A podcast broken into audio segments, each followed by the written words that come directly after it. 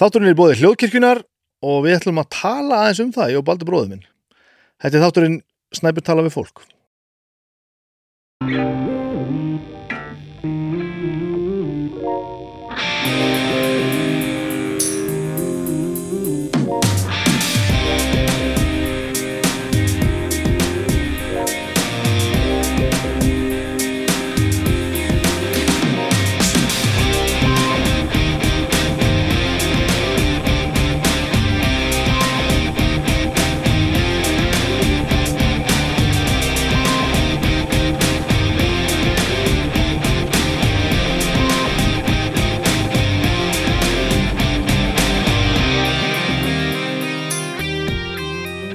Verið velkomin í þátturinn Snæpur tala við fólk. Þetta er þátturinn með 15 held ég. Gott að Eh, ekki hvað Jú, segirðu? 15, jú, Það ekki? er ég Já, hér er nú Baldur bróður minn sem þið heyrið í. Uh, Hæ. Hæ.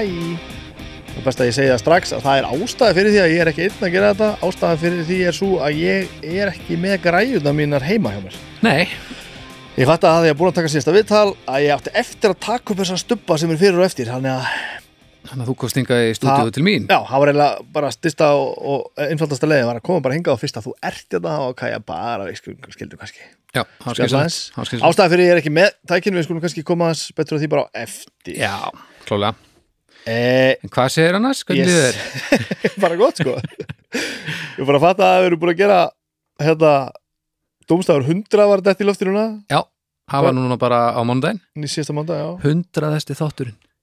Pældu já.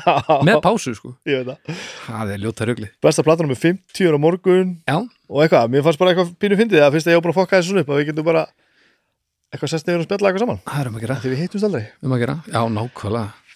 Og þetta, þú veist, þáttunum með 15 að þessu ertu ekki komin í 17 eða eitthvað á draugunum drauga fórtíðar, Jú, tveir eitthvað- eftir. Já. það byrjaði á sama tíma þannig að Já, það er hljóðkirkjan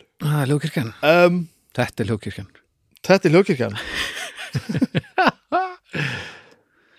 uh, Ástæð fyrir ég er ekki með, með tækin heima að mér var það að hérna, þetta er svo mikið skítarreiting sko. Við talaði í dag erum við hérna Óla Þjón, Ó, Óla Vörn. Já. Framreiðslu meistara Framleiðslumeistari er eitt flottast bara flottast til sem ég hef heyrt. Já, ég sem komst að því að það er bara þjótt Já, nema bara miklu flottar Já, algjörlega, sem Miklu notar nema, nema framreiðslu meistara Ég hugsa alltaf um hann sem framleiðslumeistara ekki sem Framreiðslu meistara Já. Já, ekki leiðslu, það er mjög mikilvægt. Já, já, um, og ástæða sett fyrir því fyrir þetta að hann náttúrulega glæsilegur og viðtalið var ógeðslega skemmtilegt fyrir að hann er í þættinu var það að, má ég ekki segja þetta upp á núna? Er því, jú, jú, jú, Já, já, já. jú, jú. að, að hann náttúrulega var með þætti þarna á sjónvarpi Símars Mhm. sem að heita Kokkaflakk. Komið tvö sísón á því, Mhm. tíu þættir. Og það er í pásu út af öllu, öllu ógeðinu sem að, sem að er í og, gangi fyrir og þetta að hann, braut nú í sundur á sér löppin og Já, kom var til að mig sk- skíða eða eitthvað Hel, já, skýði, skýði Já, helviti skíðin maður ótrúlega við höfum ekki rætt þetta í viðtalinu Já, Þannig að þe- þeir, svo serið er sérst komin á hérna á einhvern ís þó að samt á saminu viðtalinu að það er hérna tilbúið eh, næsta sísón, það er búið að læna upp hverju Já. verið í því og svona. já, já, En hann sérst nálgæðast okkur, Já. hljókirkjuna og langaði til þess að gera kokkaflakk í, í hlaðvarpi. Kokkaflakki eirun Já, kokkaflakk í eirun og ástæða fyrir að hérna, og ég er ekki með tækinu það að hann fekk töskuna mína með mikrofónunum og hljóðkortinu öllu saman og hann er núna einhvers staðar út um kvipinu og kvapinu að taka upp viðtur fyrir þetta kokkaflakk. Þannig að þetta er fyrsti þáttunni sem að hljóðkirkjan kemur að á framleiði sem að við erum ekki, að, ekki með puttana í bein, beinlýnis á, á staðnum. Nefnilega. En svo ert þú að fara að eftir inn og allt, allt. Já, ég er að fara að vinna þetta og, og svo bara um leið og við erum búin að tala saman núna þá er ég að fara að klára draugana svo er ég bara að fara að, að skoða fyrsta viðtalið á honum sko, og sem er stef og Já, hann er byrjaðar náttúrulega. Hann er byrjað sko. já, já, já. Það er drífandi, það er sko ekkert hik á þeim bænum. Ég komst um í dag, ég held að, að hann var svolítið hissa á því að, hérna, að ég fór að spyrja hann út í þáttinn sko. Og við hittumst náttúrulega voða lítið ég og þú þessa dagana. Og, hérna, og, og ég að, og veist, við erum hljóðkirkjan og ég sem framleiðandir að þættinum hans var að spyrja hann fyllt út í þetta og ég vissi ekki neitt sko. Nei, nei. Ég, ég held að hann hafi haldið á tímabili ég var að feika þessa spurningur og ég bara, "Á, ok, hvað ætlaði svo að gera, hvernig voru Já, þetta? nei, nei, nei, nei, en ég, ég er náttúrulega búin að vita hann alveg þrísvar eða eitthvað en ég, þú þarft ekki að vita það Nei, er ég En þetta er sérst ástæða fyrir að við erum að tala saman hérna. Ég, hérna, ég bara, já, ég sérst í A, ég la- let hann á græðina mínar Já. til þess að hann getur tekið við til og B, uh, stundarskáin en nú þannig þessa dagana og, og hérna, orkustíði og svoleiðis að ég er nú ekkert búin að læna upp mörgum viðtölum fram í tíman Ekki? Nei, og þegar hann hafði sambandið mig og sagðist, það var stúpan að láta hann hafa tæki mín. Hann hafði sambandið mig og sagði já, og svo sagði bróðin og þú ert kannski að fá þetta eitthvað aftur að taka viðtal. Og ég sagði, heyrðu, Óli, viltu koma í viðtal? Þannig að hann sérst mætti heim til mín með töskuna. Ég riggaði upp, við tókum viðtalið og ég setti svo aftur í tösku og hann fór með hann aftur og þá fatt ég, shit, já, ég ætti að taka upp þessa, þessa stubba hérna. Og þessin er ég hér. Þannig að basically þetta segja alltaf þegar þið vandar við, viðmælenda þá þurfum að bæta þætti. Ég það hljómar svolítið þannig, sko. Það er pressa á mér fyrir. Já, ég veit það. Já, það er alltaf leið fyrir þig. Við skulum nú að sé aðeins að liðka til í þessu öllu saman. Ég, hérna, Já, já, ég, ætla að, að, ég er aðeins að fara að breyta vinnufyrirkomuleginu mín í vinnunni, ég er að að vinna fjóruðaði viku, já, næs. Að hérna svo erum við einhverju styrstaraðala sem eru nú komin índa með okkur þannig að kannski Já. þurfa börnin þín ekki lengur að, borða bara vatn Nei. og brauð Nei, fætt og ófætt fætt og ófætt Ertu búin að plana hvað þú að gera? Barnið þetta koma í heiminn eftir, þú veist, fjóra daga eða eitthvað? Nei, nei, nei, nei, nei, 8. seft og ertu alveg ákveðin í því að við ætlum ekki að taka hennar pásu? Sko, nei, en ég er að, núna er Nei, ég þú sagði, jú, við byrjum síðast. Ég sagði jú og ég er ennþá það En sko, núna er ég bara að gluða inn þáttum uh, og vinna þá bara eins hratt og ég mögulega get. Já, já. og stefnan er bara að missa ekki úr slag, sko. Og þú ætlar að gera þannig Já, helst, sko. Ok, ok.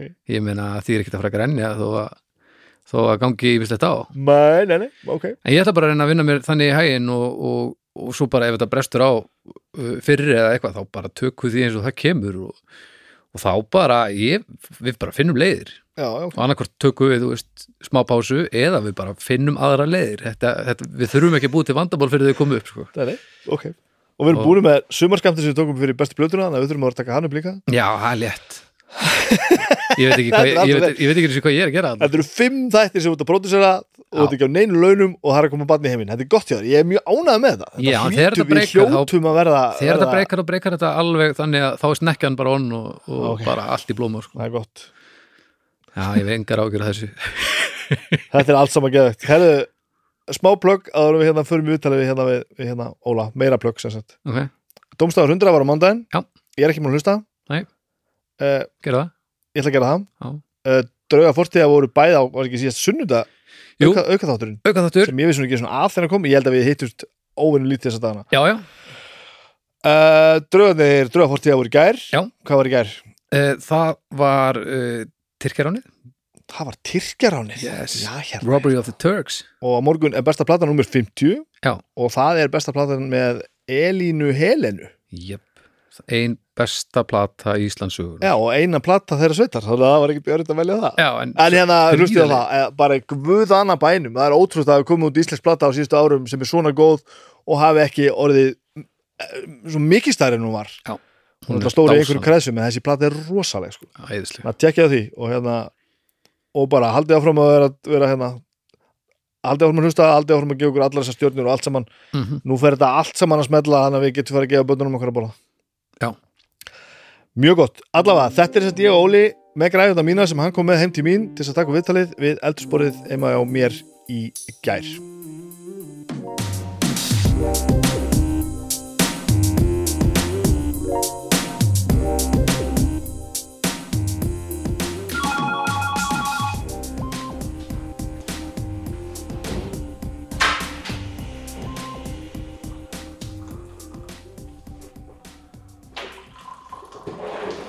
Herru, velkomin á Lindabröðuna Takk fyrir. segja fólki er heima svo getur brotist inn Þú veist að það er að klifra hér samt inn upp á svalir og glugga eitthvað. Þetta er vesina brjóðst inn, sko. Já, aðeins satt sko og ég held reyndar að, að ástæðan fyrir að brotist inn í fólk er ekki að því að veit hvað það er heldur bara því að ætlar að gera það.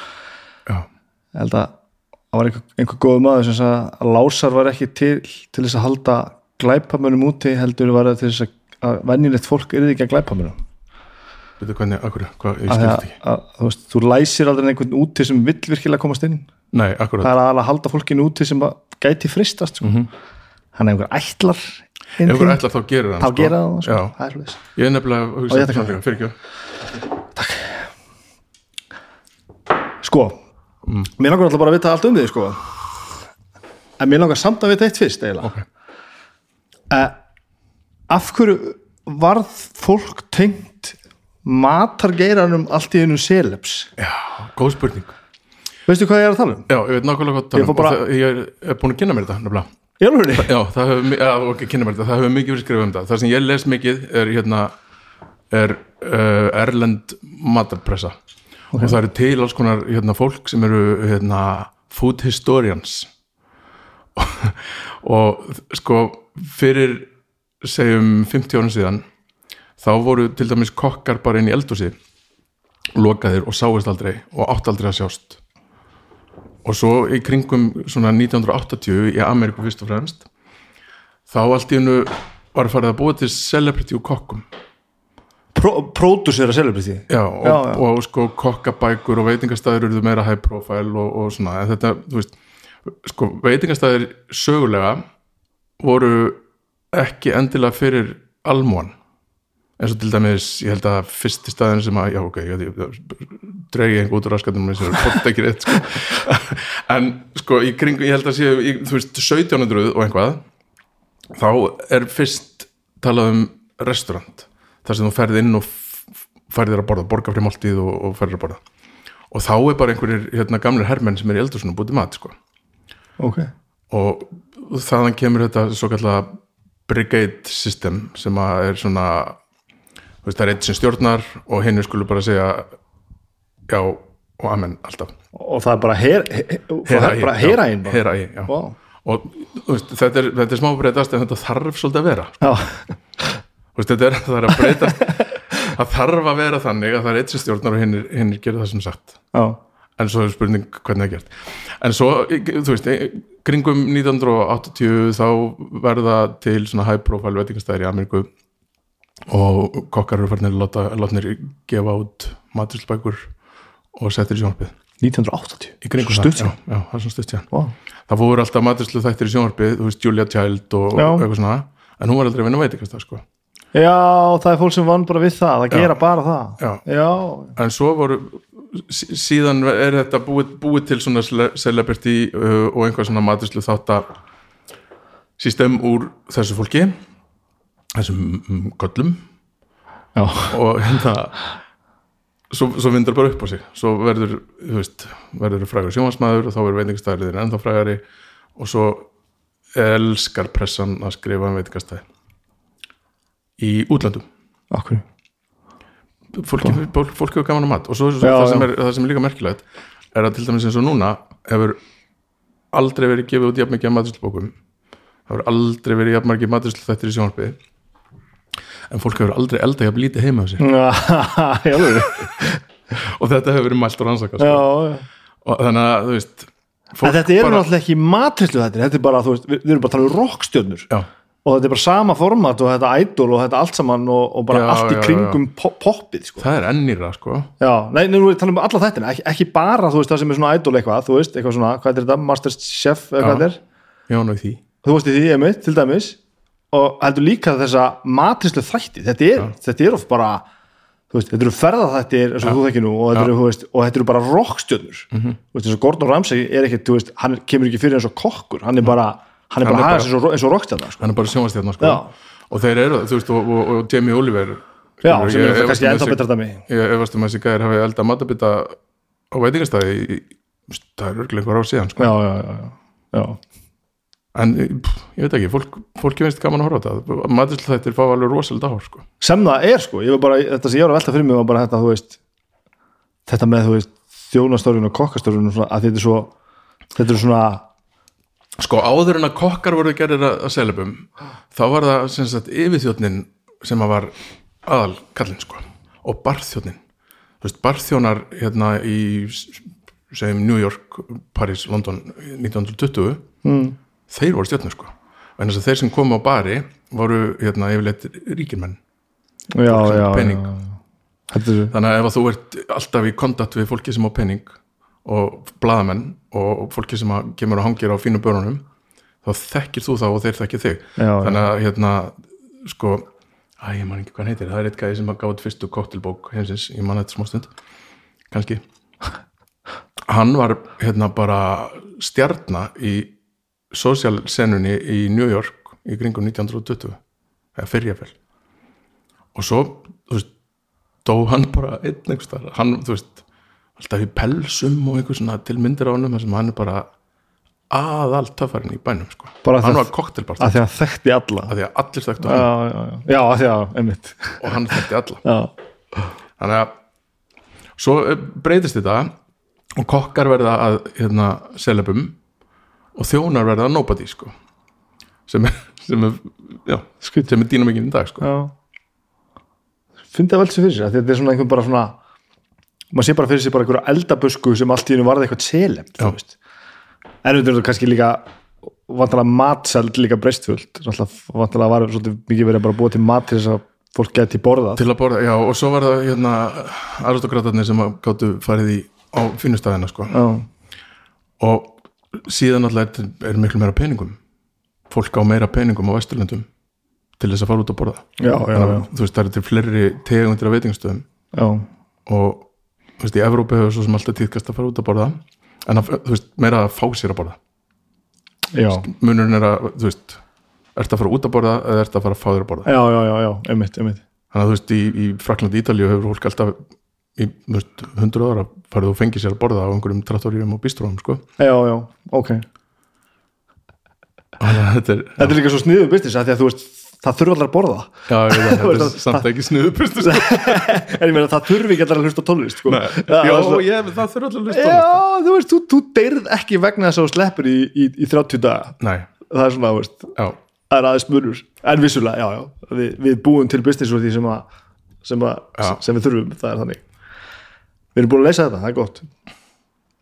Ég veit, ég veit bara að þú, þú ert úr breiðalturinn, ég veit ekkert meira. Já, sko, ég er, er uh, fyrsta árin er á nesveinu samt, sko. Nú, ok, bara, þú veist, til fimm ára og ég manna ekki þetta því. Þannig, það ekki, var ekki í blackout eða neitt, sko en, en ég, þar bjó ég, sko. Eða bjögum við. Og svo fluttum við brjóðalt og voru frumbyggjar í, í hólunum, sko. Já, já. Og þú fættu 69, 69 já, 70s í breiðalturinn sem þessi brjóðaltinu það var gaman að vera krakkja, sko. Var þetta svona eins og sögundar eru? Sko, neða, hvernig er þú veist, breiðholt var alltaf svona svolítið breiðholt eitthvað, þetta var svona eitthvað pínu hættulegt og Nei, ég upplegaði ekki þannig, sko. Við, ok, við, þegar ég var á núlingur voru við orðnir hættulegi, sko. Já, ok. Þú veist, þegar ég var 12-13 ára þá voru hérna einhverjir eldri unglingar punkarar að sniffa límengstar í kjöllurum og við fórum alveg í solispartí, sko. Já, ok, en það var ekkit, þú veist, jú, jú, það var einhver klíkustríð en það var meira bara svona eitthvað eitthvað stemming, sko. Ég held að það hafi ekkit verið neitt alvarlegt í því, sko, eða ég upplegaði ekki þannig, sko. Nei, þessi stereotypa er ógeðslega sterk einhvern veginn sko. Já, þetta, það, var bara ógeðslega gaman að vera krakki hérna, það var mikið af fjölskyldum og þú veist, allar þessar nýju blokkir hérna í brjóðaltunum voru að byggjast upp á þessum tíma. Þannig að, þú veist, í Hólabrökkuskóla þar sem ég var ég held að það verið í mínum árgangi einhverjir þrýra, fjórir, þrjá tímanu bekkir. Vá, vá. Fullt að liði og veist, þarna í kring, þú veist, það bara var við kallum það Móan sem er bara hérna, í rauninni holtið þannig að milli allega dalsins og veist, það var bara óbyggð. Já, vá. Bara sveit. Og þar vorum alltaf leika okkur og svo var allar nýpningar þar sem maður var hægt að klifra í og stíða stíða og nagla Já, svona Það reka sér í gegn á játni já, já, já, já. klifra, við varum að klifra bara upp á veist, sjöttu hæð og stilurum utan á, Og dóu merkilega fáir sko. mjög fáir ég man ekki eftir neinum sem að Meða við hysteríuna sem setna varð sko. Ekki að ég sé að hvetja til þess að skiljast rópna stilla svo dó ég er ekki vissum að sé sniðut sko. ég er ekki vissum að ég væri til að sjá börnum mín klifra svona upp sko. Nei, en það, þú veist, það, já, já, já, það var bara þetta var mikið efndir að vera, vera krakkja þarna sko. já, en samt tengi ég ekkert upp brjóðið nú nei, þannig En þið líður ekki eins og sért aðan Nei. eða svoleiðis Og okkur Ég flutti í miðbæinn þegar ég var 13 ára Já, já, já, já Ég flutti til húsavíku þegar ég var 12 ára sko. Já. Og ég er Þú- þú- já, já, akkurat. já, já. Þá er maður svona hoppin og identity og, og verða að einhverju mannesku sem maður á endanum verður svo sko. Finna áhugamálin og vinnina Mm, og já. allt sem- já. Þannig að ég er ekkit, já ég er breyðaldingur Ég er ekki, þú veist, harður svoleið sko. En hvaða fyrirl er þetta hjá fóreldreinum? Bygguð þau saman? Eða? Þau byggur saman skildur enda þegar ég var hérna 14, Ok, 15 en þau fara nesveginum breiðholt og svo niður í bæ? Já, og það bara, eins og maður gerir ég held að það verið í leigu íbúð á Nesveginum og keft svo íbúð upp, Já, í- já, já. breyðaldi og svo keft hús á Já, frakastíknum já, bara eins og maður gerir. Eins og, já, svona já, gangur. Eins og maður gerir þetta, kaupa hús á er bara, Pallit hús hafa nýju uppgjört og þetta var aðeinslegt sko. já, mjög gaman að koma á miðbæn svo hjekk maður út í glugga og horfða á alla setja stelpunar út í gluggan og, sem eru svo vinkonum mínu sko, og er ennþá í dag. Já, nákvæmlega. Og þannig er bara, þannig er þetta komin hvað, 13, þannig er þetta komin í árið komin í 80s alveg blússandi eitisi sko. Þú veit alltaf svona ekta 80s krakki lítur að vera, þú veit alltaf nákvæmlega á aldrinu fyrir 80s já, sko þvílíkt sko hjekk á spilastofum sko okay. matstofan, þar bara var, það var mitt annað heimili sko. þar spilaði maður bara Pac-Man og, og Space Invaders og hérna, rekti inni allan, yes. allan daginn Geðveikt. það, já, þetta var hérna, minningunni frábæð tími sko. já, ég á svona minningu að, bara biljarstofnu húsæk, það sem var reykti yfir spilakassum, var þetta ekki geðvikt minningin er, hún er frábær sko það var bara, þetta var hérna, það var hérna hlemmi Já. sem að, ég held að svo breytist þetta setna í skemmtist að hérna, upp og niður. Og svo setna var þetta svona rónabari sem að hét, hérna, keisarin já, þetta er sama staðurinn alltaf, þetta er keisar og svona sko langt inn og meðfram veggjónu þar voru, voru spilakassar og svo svona sófagrúpa fremst. Já, já, og það er bara hengallir þetta var bara unglinga hangátt spila salur allir, allir businessin hafi verið að selja í spilakassa?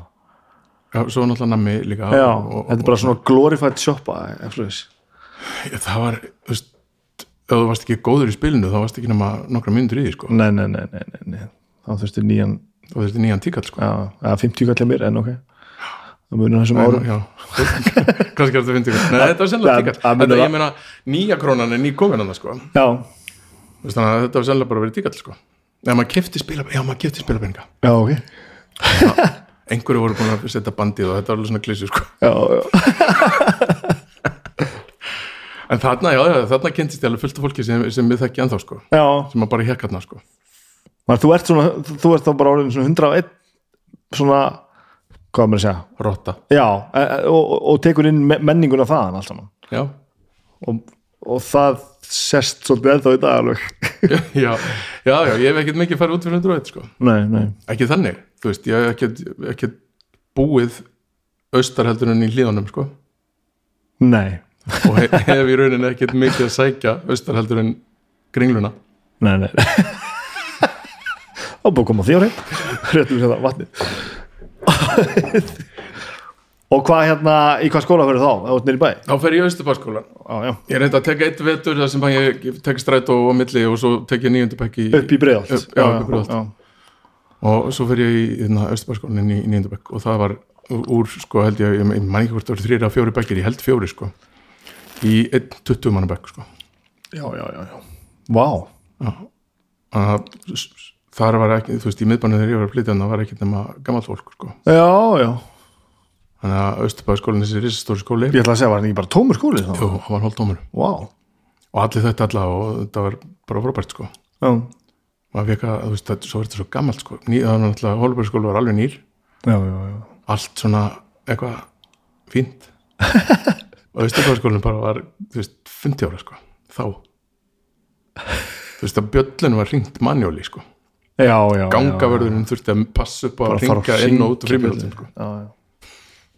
Djúlega þetta gott. já, Djúlega já, þetta gott. Eh, ég man eftir að þú eru alltaf sagt þetta við mig þannig að því ég spurði þig einhvern tímann að þessu. Hvenær það hefur hérna eitthvað leiðist út á þessar matarbrautir að þú hefur byrjað að vinna við þetta bara að þú varst bara, bara krakki sko pappið þjótt pappið er þjótt já. já, já, þannig að hann, þegar ég er að alast upp þá vinnur hann á grillinu á Hótel Sögu sko. Já, já. og fer svo á lækjabrekku og hérna svo aftur á sögu og meðan hann er að vinna á lækjabrekku þegar ég er 13 ára 14 ára bara sumarett, neða veturinn eftir fermingu, sumar ekki þá byrja ég bara að vinna í uppaskinu já, ég skilði þig. Og á þessum tíma var ekkit óveðlegt að 13-14 ára krakkar var bara að vinna þessu fullar fólk sko. nei, ok. Þannig að bara ég gekk bara vaktir bara 12 tíma vaktir eins og allir hinnir wow.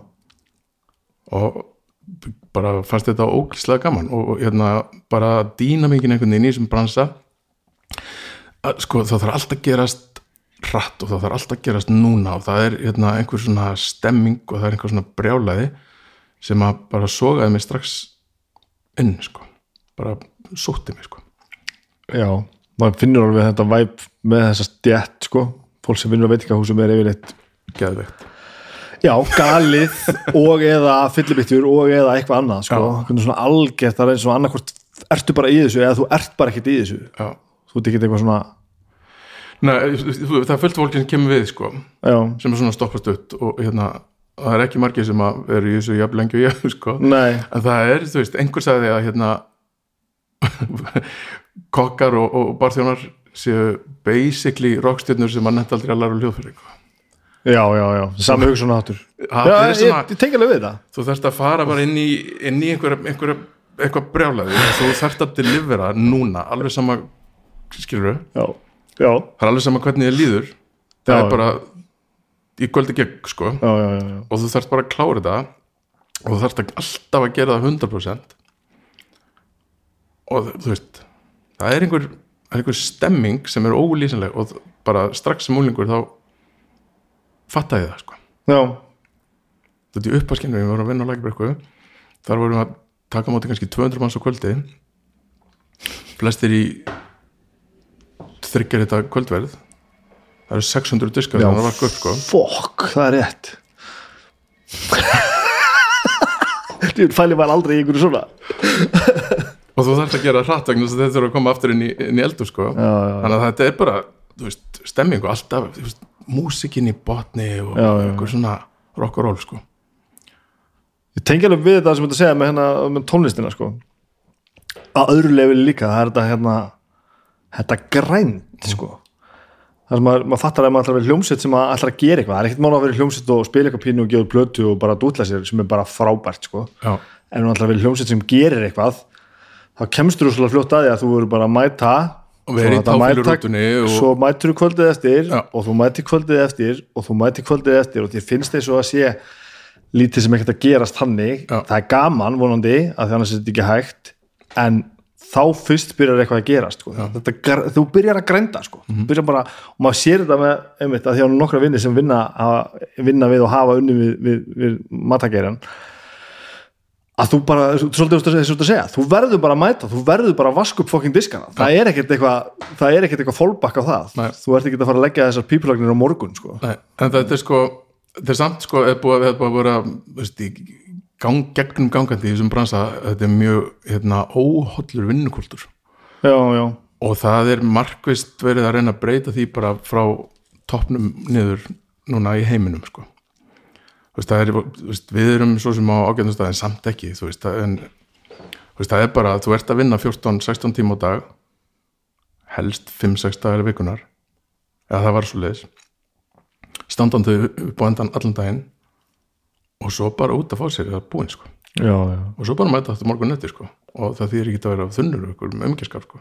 Hvítur á klaka, það var einhver kokkur sem kendi með það. Ha, hvítjón klaka? Já, þegar alveg að dreipast þegar maður trefinn, þá var auðvöldast að setja bara hvítur á klaka og slorka þinni þá var skánaru ég hef aldrei, eins og mér finnst gaman að þannig ég hef aldrei mikið afriðtara nei, herru, ég, ég bara, ég er með þér sko. Ég bara, ég tek því fagnandi að hérna, vera timbraður mér finnst það bara notalegt. Já, af því það var svo gaman gerð já, ég mikið er í sammálaði sko. Ég get alveg farið og fengið mér aftur sko. Já, já, já. en svo er líka annað er afréttar ef það er eftir fimm þá er ekki afriðtara, þá ertu bara að fáið bjór. Er það reglur? Er það sérfræðingur sem bara segir mér reglur hérna? Ok, takk fyrir. En hérna, svo er annað, afréttar hafa aldrei virkað alveg með á mig heldur. Ég hætti ekkert að vera þunnur. Nei, það er bara fullur áttur já, svo er ég kannski bara komin á fjóraða að finna bjór og þá er ég bara bæði fullur og þunnur. Já. og það er, ég er samanlega, þetta, þetta var aldrei ég hef aldrei nátt tökum að þessu sko sem kannski sem bönd fyrir já, já, já, það er ekki bara örgla sendilega. En af hverju er þessi kultúr svona? ég meina, þarf eitthvað að vinna 20 tíma á dag? Nei, þess þarf nefnilega ekki en þetta er bara einhvern veginn Eh, Njá, einmitt þess þarf alls ekkert sko. En það hefur verið þess hefur verið stilt einhvern veginn svolítið upp að það er bara tvískipta vaktir og þú ert annarkvort að vinna í frí þannig að aðra vikuna þetta, þetta er kalla kokkavættir þú vinnur fimm dagar í vikuna og þrjáta en tóta hinn vikuna eitthvað svona og svo er algengt að þeir sem eru duglegir og góðir takki vilt auka já, já, já, já. Og meiri segja er algengt að kokkar fari og vinni ókipis í ykkur tíma til þess að ná til þess að fá eitthvað svona þannig að mótilið er svolítið mikið þannig að býður svolítið upp að þú sért að sanna þig með því að gera of mikið. Já, þú meina það? Já. já, já, og fólk brennur út sko. Þú veist það er ekki algengt að sjá fólk í mínum bransa sem er eldri en færtugt á Íslandi. Nei, nei.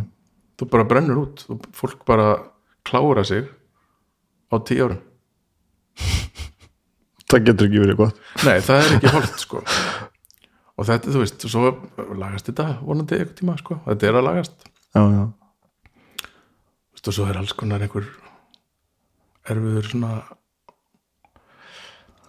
erfiður kultúr hefur verið mjög sexist kultúr í þessum bransa, hann er að lagast líka. Já. bæði milli náttúrulega gesta og þjónustufólks og svo líka bara hefur svona toxic masculinity í eldhúsinu sko, mjög sko. Og aftur í sögulegu hérna, hérna málin. Hvernig stendur á því að, að það er stereotypist að konan eldi í eldhúsinu og að kallin eldi á veitingasta ég held að sé vegna að þetta er var vinna. Já, erfið líkalega krefandi vinna. Já, já. Og í upphæfi var, var eins og ég sagði það voru bara hermenn sem voru í þetta sko, sem að- voru búin að læra hérna, skarlega kartöflur og, og þetta var bara, og er svo sem líkanlega krefandi og þú ert að standa að endan en svo er, þú veist ég hef aldrei almennilega skilið þetta samt sko vegna þess að það er talað um að hérna, vinnutíminn sé ekki hendi ekki fjölskyldulífi en samt eru til dæmis hjúgrunarfræðingar oftast konur. Já, já. vinnutíminn þar er ekki betri sko. Nei, nei, þetta megar ekki sens. Það, nei, þetta er eitthvað svona það er eitthvað, en ég held að þetta sé líka bara einhver svona toxic kultúr sko. Já, ég reyni, hef reynd í undanfæran ára að vera hafa jaft af konum og köllum að vinna saman. Og dýnamikinn og allur mórallur allt, allt annar þetta er best. Ég er bara búin að komast að þessu í öllu, öllu sem ég hef gert ég prófa þetta minnst í tónlistinni en í nýjum verkefnum reyni ég alltaf að hafa að blanda kynjónum Já. uh, til dæmis ég er að vinna á auglýsingastofu og nýra pipar er kynjarhjóðstilli, það, það er bara stór partur af þessu að halda þessu jöfnum, bæði sem sagt fjölda fólks og líka fólk sem er í stjórnunastöðum og slegis öll teimi og allt, alltaf þegar að jafn blanda gengur alltaf best Já. ef þú fer aðeins að hugsa út í þetta og bara leiðir hugan að því og, og, og bara tikkar í bóksin alltaf, þetta er alltaf best ef það er jafn mikið. En maður þarf að læra það sko. Við, við skeggjaðir miðaldra kallar já, já, við þurfum að læra það, Já, það þarf að alveg. segja okkur það og við þurfum að vera tilbúinu til þess að taka móti sko. Veist, og mér var kenta. Ég, þú veist, þú veist ég alveg upp svo sem í miklu, miklu feminísku heimili þá samt bara það, það þarf að segja manni bara koma manni í skilning um að það er betri dýnamík ef að það er blandað saman sko. já varstu alveg upp á feminísku heimili, sagði það? já, já Komdu með það mamma mín var náttúrulega bara í, einsta ring í kvennarlistanum og Já, auðvitað Já, þetta er heitís bara já, galor já, sko. já, já. Hvernig var þá hvern, þú veist var þetta ekki strömbið þá? Var þetta ekki, að því þá er þetta svo öfgafullt allt saman Já, nei, nei, já, ég kannast ekki við það ég, þú veist, bara var unglingur 12-13 ára bara á, hérna og með mömmu og fundi í, í Hotel Vík og hérna eitthvað svona, kostninga barátufundi Geðvægt og þú veist, nei, nei, þetta var bara svona, jú maður þótti skrítinn stundum þegar við vorum að fara fjölskyldan saman í keflaugöngu Já, já, já, ég kannski að meina það. Var, var þetta ekki strömbið að eigast, þú veist, takast að þá hefur verið skrítin vantala. Já, já, en þú veist, það var fullt af öðru fólki sem fór í keflaugöngu, sko. Já, og Ísland og NATO herin burt og, og hérna, allt þetta var bara partur af minni fjölskyldu sko. já, já, og það, svona, svona er það bara sko. já.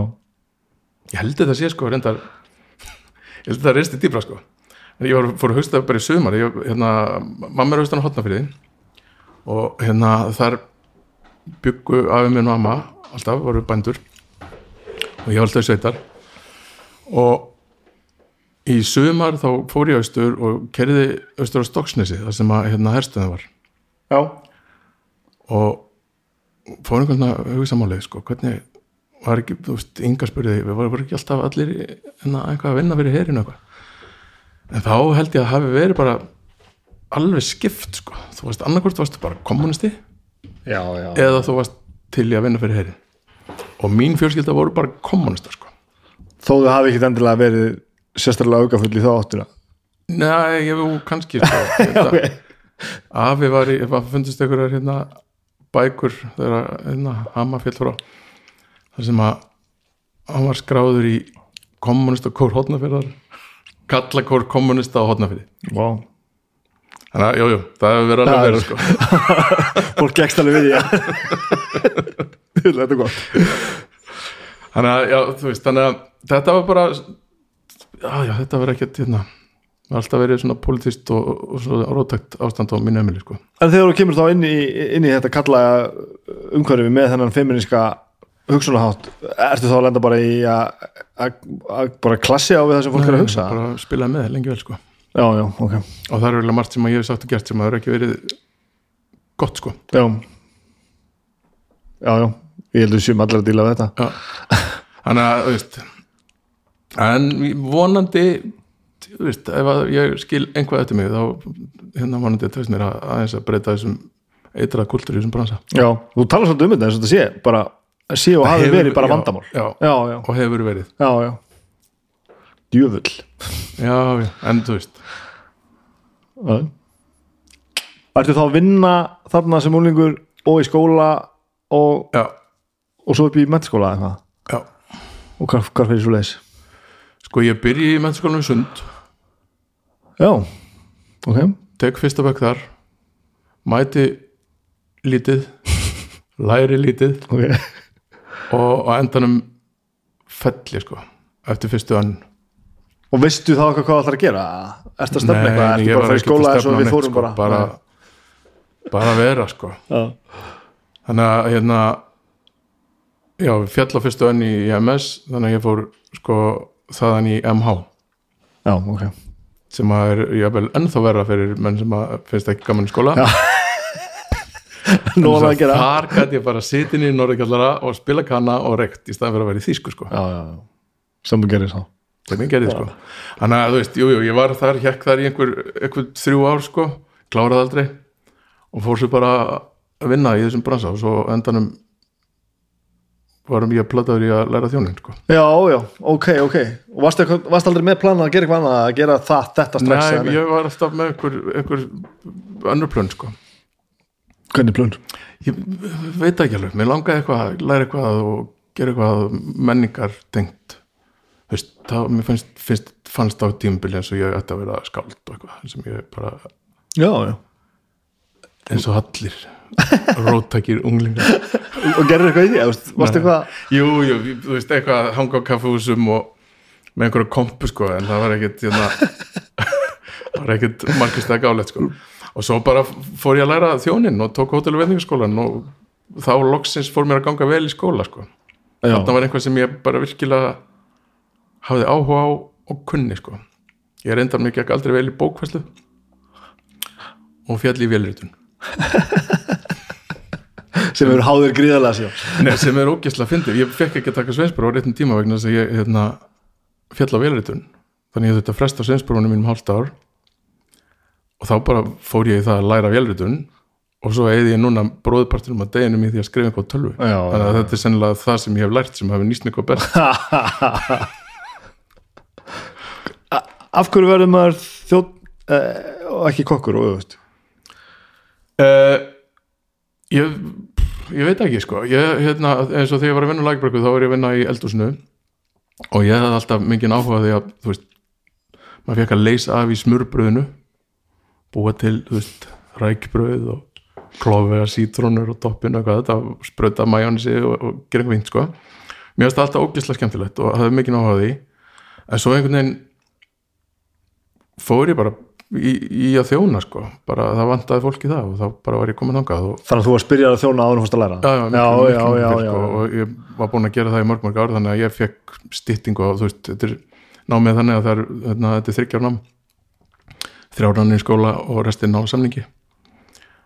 Og þannig að ég fekk styttingu á samningi og kláraði þetta bara á tveimur sko. já, já, ok, ok. og það var búin með hellingi mettskóla þannig að ég þurfti ekki að taka neitt nema bókvæslu og örverufræði og viljutum Vel eftir og, og, og hvað, þú veist, afsakaðu hrókar, hvað er maður að læra? hvað það maður að kunna?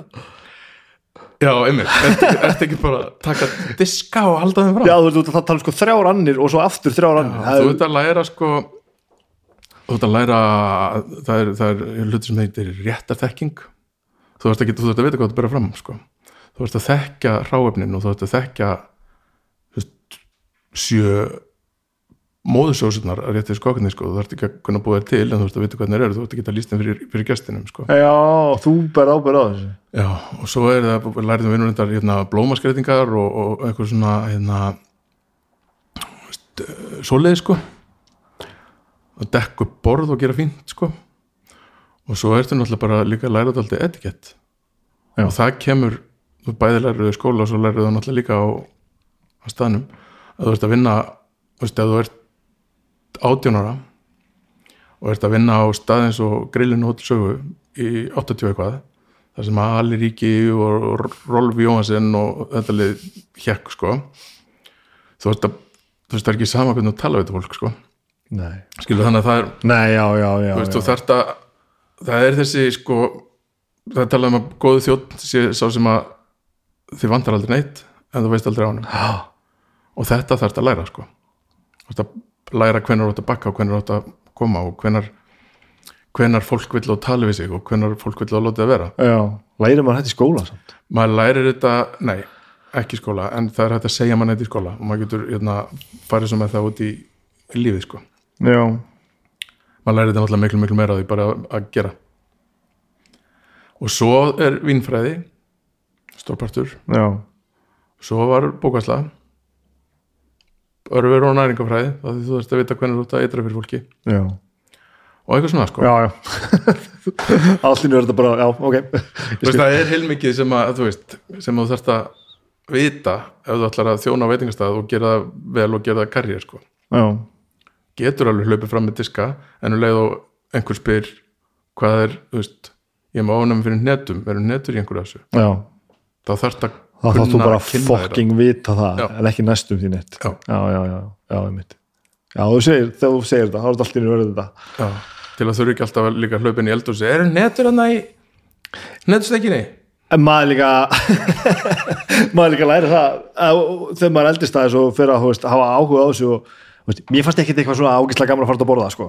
Nei, en svo fer maður að finnast það gaman. Og maður, veist, ekki að að maður sé svo snobbaður eða svo langið svo mikið í mat, heldur bara heldur svo mikið kultúrmál sko. Og, og núna verður eiginlega ekki meira gaman að fara út að borða heldur en sem því nemur hver verið þykja á móti þér sko. það liggur eiginlega við að sé saman hvað- hversu maturinn er góður. Ef þetta var ekki einhvern veginn snildalegt þá er þetta ekki aldrei fullkomlega eftirminnilegt. Nei þú getur sko þú getur bjarga vondum mat með góður þjónustu. Já, en þú getur ekki bjarga vondur þjónustu með góðum mat. Já, ok þú hefur sagt þessa setningu áður, ég heyri Já, það. Já. og þetta meikar fullkomlega sens. Já. Þú getur, þú veist, ef, að- ef að kemur einhver mislukkaðu diskur, ekki kemur brent gjöt eða þú veist, trátt eða eitthvað, já, ef að þjóttin er góður, já. þá ferðu út sáttur Og, og maður fyrir meiri sér mögulega út sáttari Já.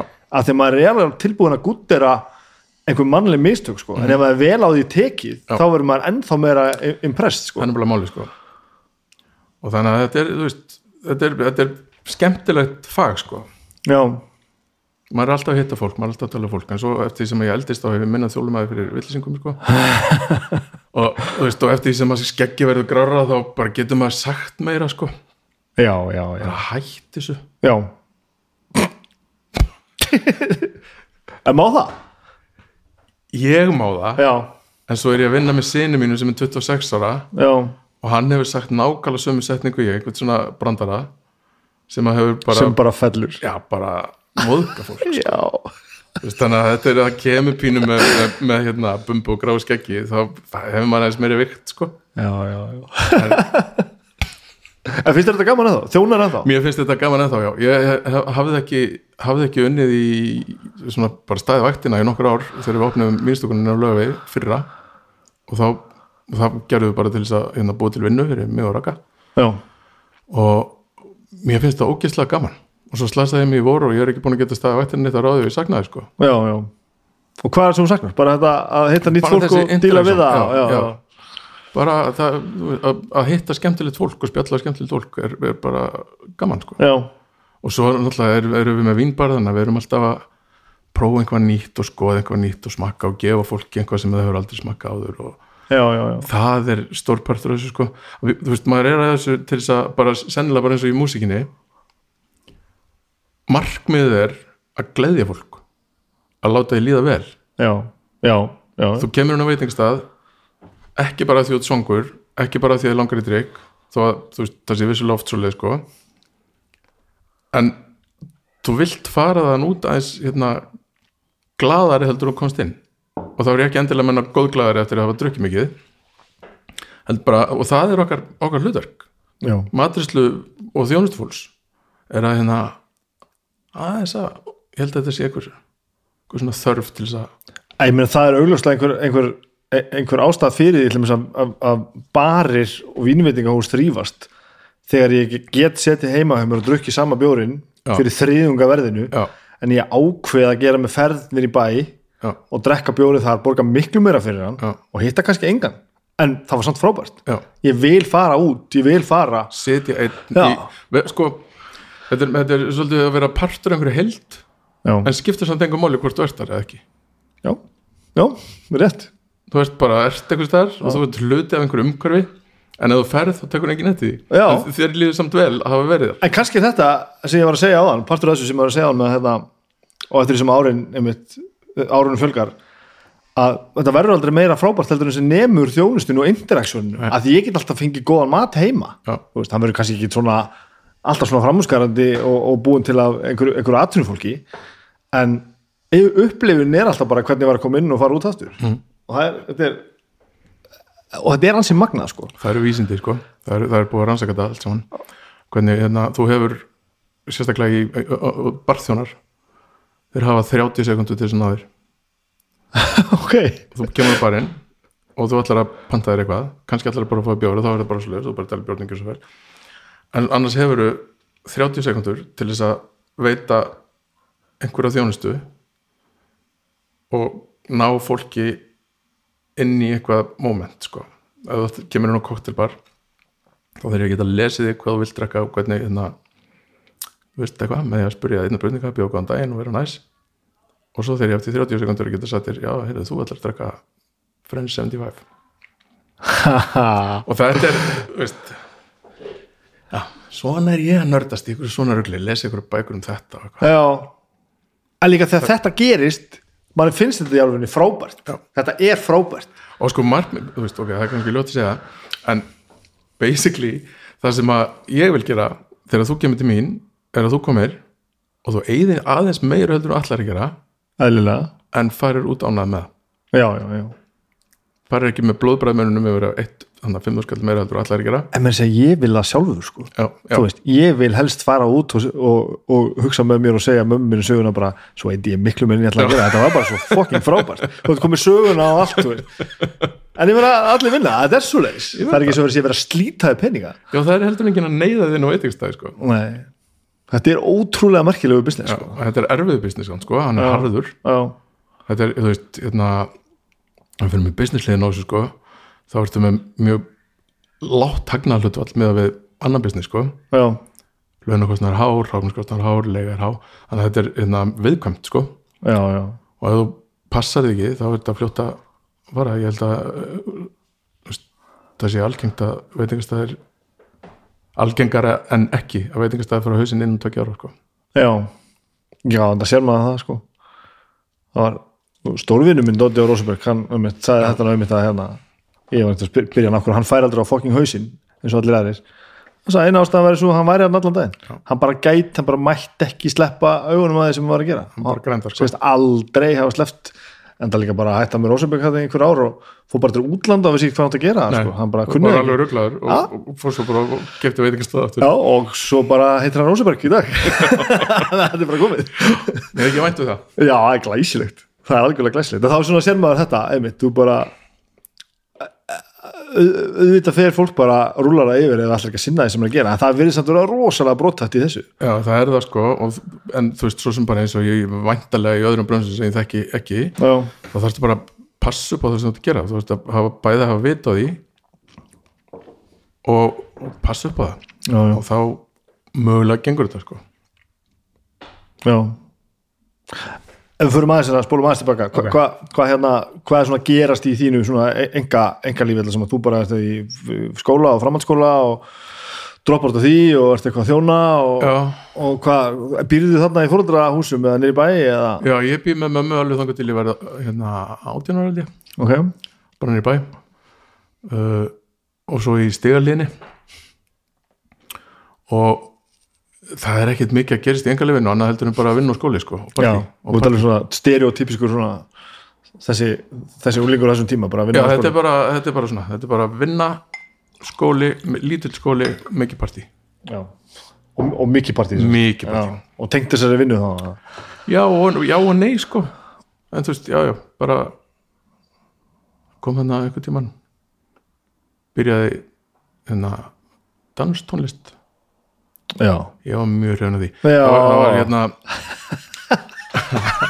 það var eðlilegt progression úr hérna 80s diskóinu sko og tölvupopinu sem að hérna vorum, ég var aldrei að hlusta á djúran á þetta sko. Við vorum í tölvupopinu sko. Deepest Mode má ég giska? Cell Ertu að fara að segja mér einhverja reifsugur núna? Nei, ég ætla að reyna að sleppa því, að ég ætla Að þú gæti gert það allavega. Gæti gert það. Já, ok. að það kemur í, í æfisögunni eftir En Ég las alveg í þetta bara, ég var ekki djúra þetta tölvupoppi bara, já, þessi gaur hefur farið á, á reif. Já, já, já, já, og mörg sko. Afsaka, ég ætla ekki að stoppa þig. Nei, allt í lagi sko. Og, og þetta, það, ég var mjög hrifin af þeirri sennu Já, og, og hún hrifin af mér. Og við áttum mjög vel saman í bara mörg mörg ár sko og allir þessi lífstíl þá. Öll fara og, fötinn og, já. og, allt saman fara út og dansa í, í marga marga klukkutíma það var geðvægt sko. En svo fer ég sko þegar ég útskrifast þá hérna, fljóðlega eftir það fer ég að vinna, byrja að læra kokkin þetta sem að var veist, mér langaði að vera bæðið þjóðn og kokkur sko. Já, já.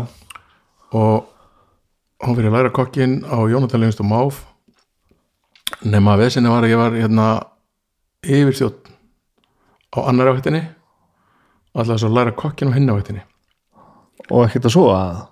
Nei. Og þetta var ekki hægt sko. Nú, ok. Nei, þetta var ekki hægt. Þannig ég gafst upp á því og, og hérna bara en hef samt mikið unnið þessi kokku sko. Og fór svo til Greiklands, ég og vinur minn fórum sumarland til Greiklands með, þú veist, held ég 20 skall í varsanum og bara, nú fyrir við bara á einhverja gríska eigu og reynum að finna eitthvað vinnu. Já, við vorum ekki eins og vinni, við kynntumst flugvilni við vorum bestu vinnir í dag. Vá, og hérna já, fórum bara á gríska eigu og ég sagðist vera kokkur. Og fekk bara vinnu. Náði að feika með þessi gegnum það sko. En þú veist, vissi svo alveg hvað er að gera. Já, og já, vorum þar heilt sumar sko og svo kom ég aftur á Jónum á og svo fór ég og var flugfrið í fimm ár varst flugfreyja í fimm ár? já, já allan það Ok Hvenær er þetta? Hvað ár- árið eru að tala um það? uh, 95.000 All right Af hverju gerur það? það var líka svona bara eins og svo margt sko, bara einhvern veginn óvart sko. Það lókaði þess að sláttu við út í hérna Það slokka sláttuvilni Viltu stafinn? Svona snóið Það er ótrúlega það Ótrúlega að fólk skulle lefa sér að slá garðinni kringum húsið mig því ég er að taka viðtalinu miðan dag. Árán Já, hvað sér, já, byrju, ég mista þessu. Já, það var þannig að hérna, vinu minn þá hann hérna, ringdi mig og sagði að það væri eh, sko einhver inntöku viðtöl fyrir Atlanta, hvort við ættum að skella okkur fara til Saudi Arabi í tvo mánuði og ég sagði já, já, já til í það. Og þetta var á laugadegi, ég var að vinna á föstu degi fór sér út að djamma og mætti svo klunum tíu morgun alveg eins og haugur sko. Og hann mætti uppstrílaður með bindi og fýtt stuttasaginu svo að ég fekk vinnun ekki. Og svo fór ég þarna og þetta var gæti verið leðilegast að vinna sem ég verið í sko. En gæti verið líka einhver skemmtilegasti tími lífsmiðis og þess að þannig vorum við bara á daldi góðum launum og ég gerði þetta þannig að ég reyndi að vinna í svona veist, eitthvað tvo-þrjá mánuði. Kom svo heim í smá tíma og ferðaðist svo einhvers staðar í hérna hálf mánuð og við vorum alltaf í einhverjum þú veist, einhvers staðar í Arabíu eða Afríku eða þú veist, einhvers staðar þar.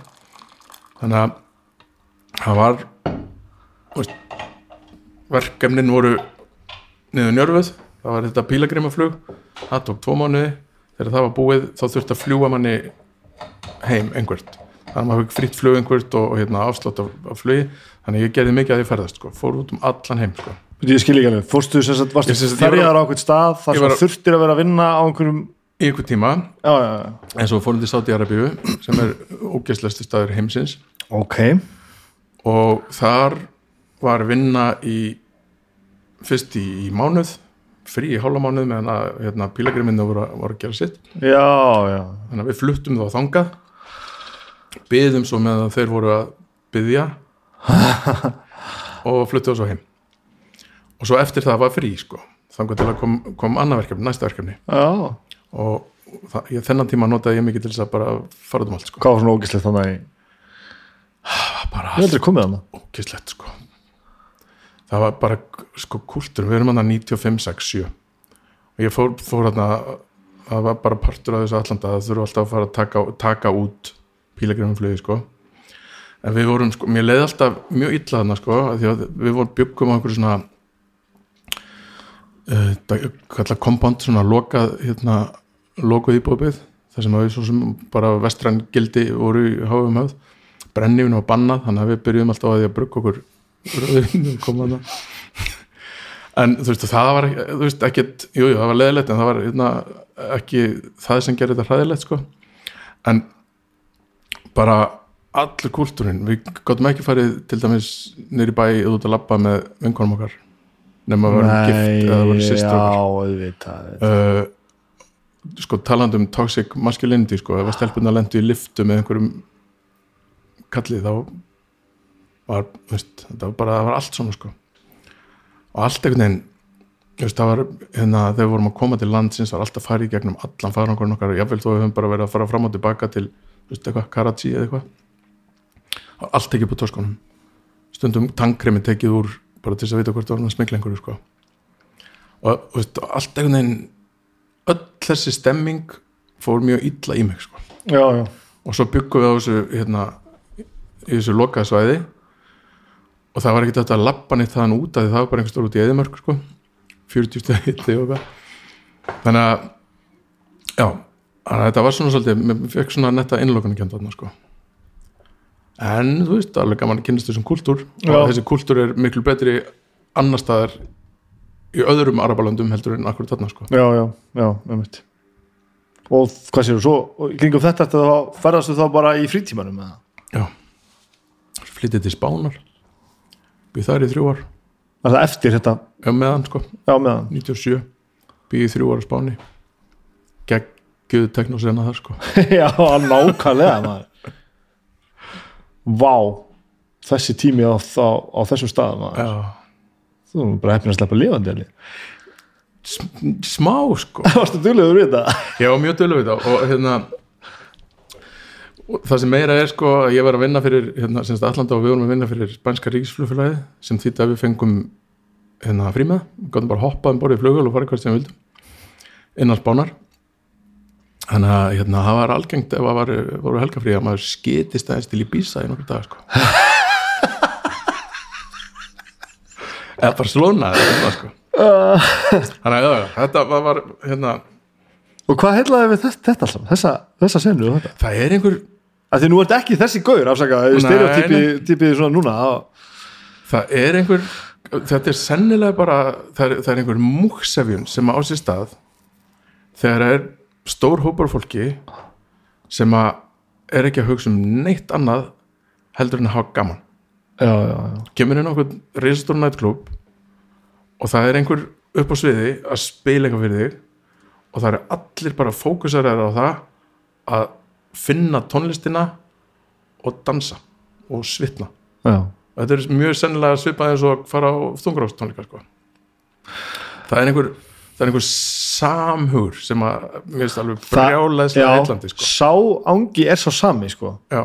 En á tónleikum, nú er ég svo sem ekki útskrifaður reif hérna dansari, sko. En á tónleikum ertu samt alltaf svo mikið að hafa skoðun á það sem er að gerast. já, Og ég veit pínu hvað, eru hvað allir að því samt? Er ekki stór er ekki stór hluti sem er bara að koma og hérna slamdansa og hérna vera brjálæðir? Jú, auðvitað. Auðvitað er alveg satt. Mér er alltaf fundist það sem þú ert að lýsa samt. Heita ball. Já, er fara, fara á tónleika það sem eru saman um það sem eru upp á sviðinu að þannig séð. Mér finnst það að vera ball já, í öllum mínum mögulega hróka það finnst mér að vera Já. íslensk sveitaball sko. en svo er sko, svo, þegar þú komin aðeins lengri í þessu sko ég fatt alveg að fólki finnst þetta bara alltaf sama umt, umt, umt.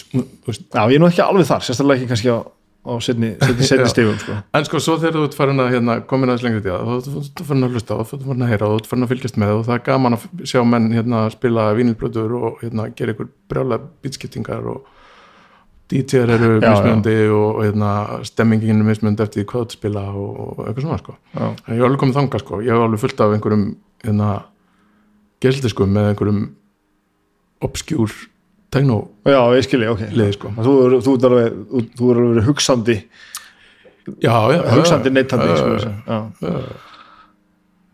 En samt, þú varst aðalega bara á Ibiza að dansa með öllu hinnu fólki Daldi sko og var þetta ekki ég, ég, þetta er heimur sem ég þekki bara svona utanfrá sko, og, og ég held að við séum hrætt við ykkur og, og þið hrætt við okkur. Þetta sé þannig, þannig kultur sko. að ég bara, þú veist Nei, ég hef líka alltaf, ég hef ógislega gaman að fara á tónleika og það er það sama sko. Ef á, fara á tónleika þar sem að jafnvel þó að mér finnist hljónsettin leðileg ef að er einhver, það verður einhver galdur í svona múksafi þetta er einhver svona, hérna líku þessi trúaleg Af, algjörlega, ef ég myndi einhvern tíma trúa eitthvað þá er, það, þá er það þessi samhugur sem verður til á svona stórum, svona stórum partíum sko. já, það eru allir með fókusin á eitthvað á allir ég, ég, sterkasta svona sem ég hef upplifað ég man ekki á hvað fest, festir val ég var það var Travis að byrja að spila af öllu sko, Travis er bara fín Já. ef enga svo sem sé- sérstaklega að hafði já, ringa, ringa, ringa já. Já. og þetta byrja bara og það er bara liðin svona tvö lög og það er bara fyrir 20.000 manns og þá fann, fann ég bara eitthvað bara, hvað er að gerast þetta, þetta, þetta, þetta gig var algjörlega magnificent, ég hef ekki hugmynd um af hverju. Ég þekkti svona fjögur lög. Já, það skipti engum máli, þetta er bara einn magnaðasta bara svona, já, svona hóp upplifun sem ég átt sko. og það voru allir sammála.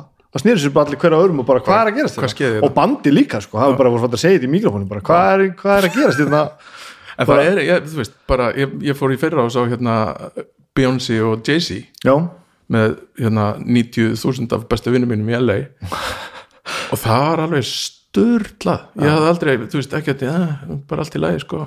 Ekki haldið upp á þetta neitt, sko. En bara bæði sjó er náttúrulega gefið, sko. En líka bara þessi stemming, sko. Það var Já. allir einhvern veginn með 100% fókus á því sem að vera að gerast, sko. Já. Þetta finnst mér heillandi Já, það er líka þetta sem að heilla við mig held ég svolítið mikið við þungarokkið og, og, og gerir held ég með þessi marga. Og sennilega flesta jaðarsennu sko að þú ferð ekkert á þungarastónleikanum að vilja það sko. Þú ert ekki að fara þangað því að það er töff. Þannig að þá er allir komið með sko 10.000 manns eða 1.000 manns eða þó þessi ekki með 100 manns eða eitthvað að fólki sem vill bara vera það þá verður, samhugurinn svo svakalega mikil sko og svona var klúpasennan sinnan í Já, gamla sko. ég var með að fara, fara, út í það. Hún er, það ekki að lengur sama sko. þetta er ekki að sama, þú ferð ekki á þú veist, ég veit ekki svo hvað ég nú, ferð ekki á austur. Það er ekki allir þar af því að DJ-in er svo góður sko. Nei, nei. Nei. Nei. En ég var eftir þessu og þú þetta hugtak var að koma reif þú veist, og maður sá bara alltaf fyrir sig bara einhverjar, einhverjar ekki þetta vennir á skólagötu til dæmis, hérna heima? Á, það sem að kekshóstelir í dag upp á þriðju ég eða annari, þar var, voru haldin reif, lögleg reif eða? nei, nei, nei. Já, bara raun reif. Já. Ok, og þar var þar var ba- bar sko.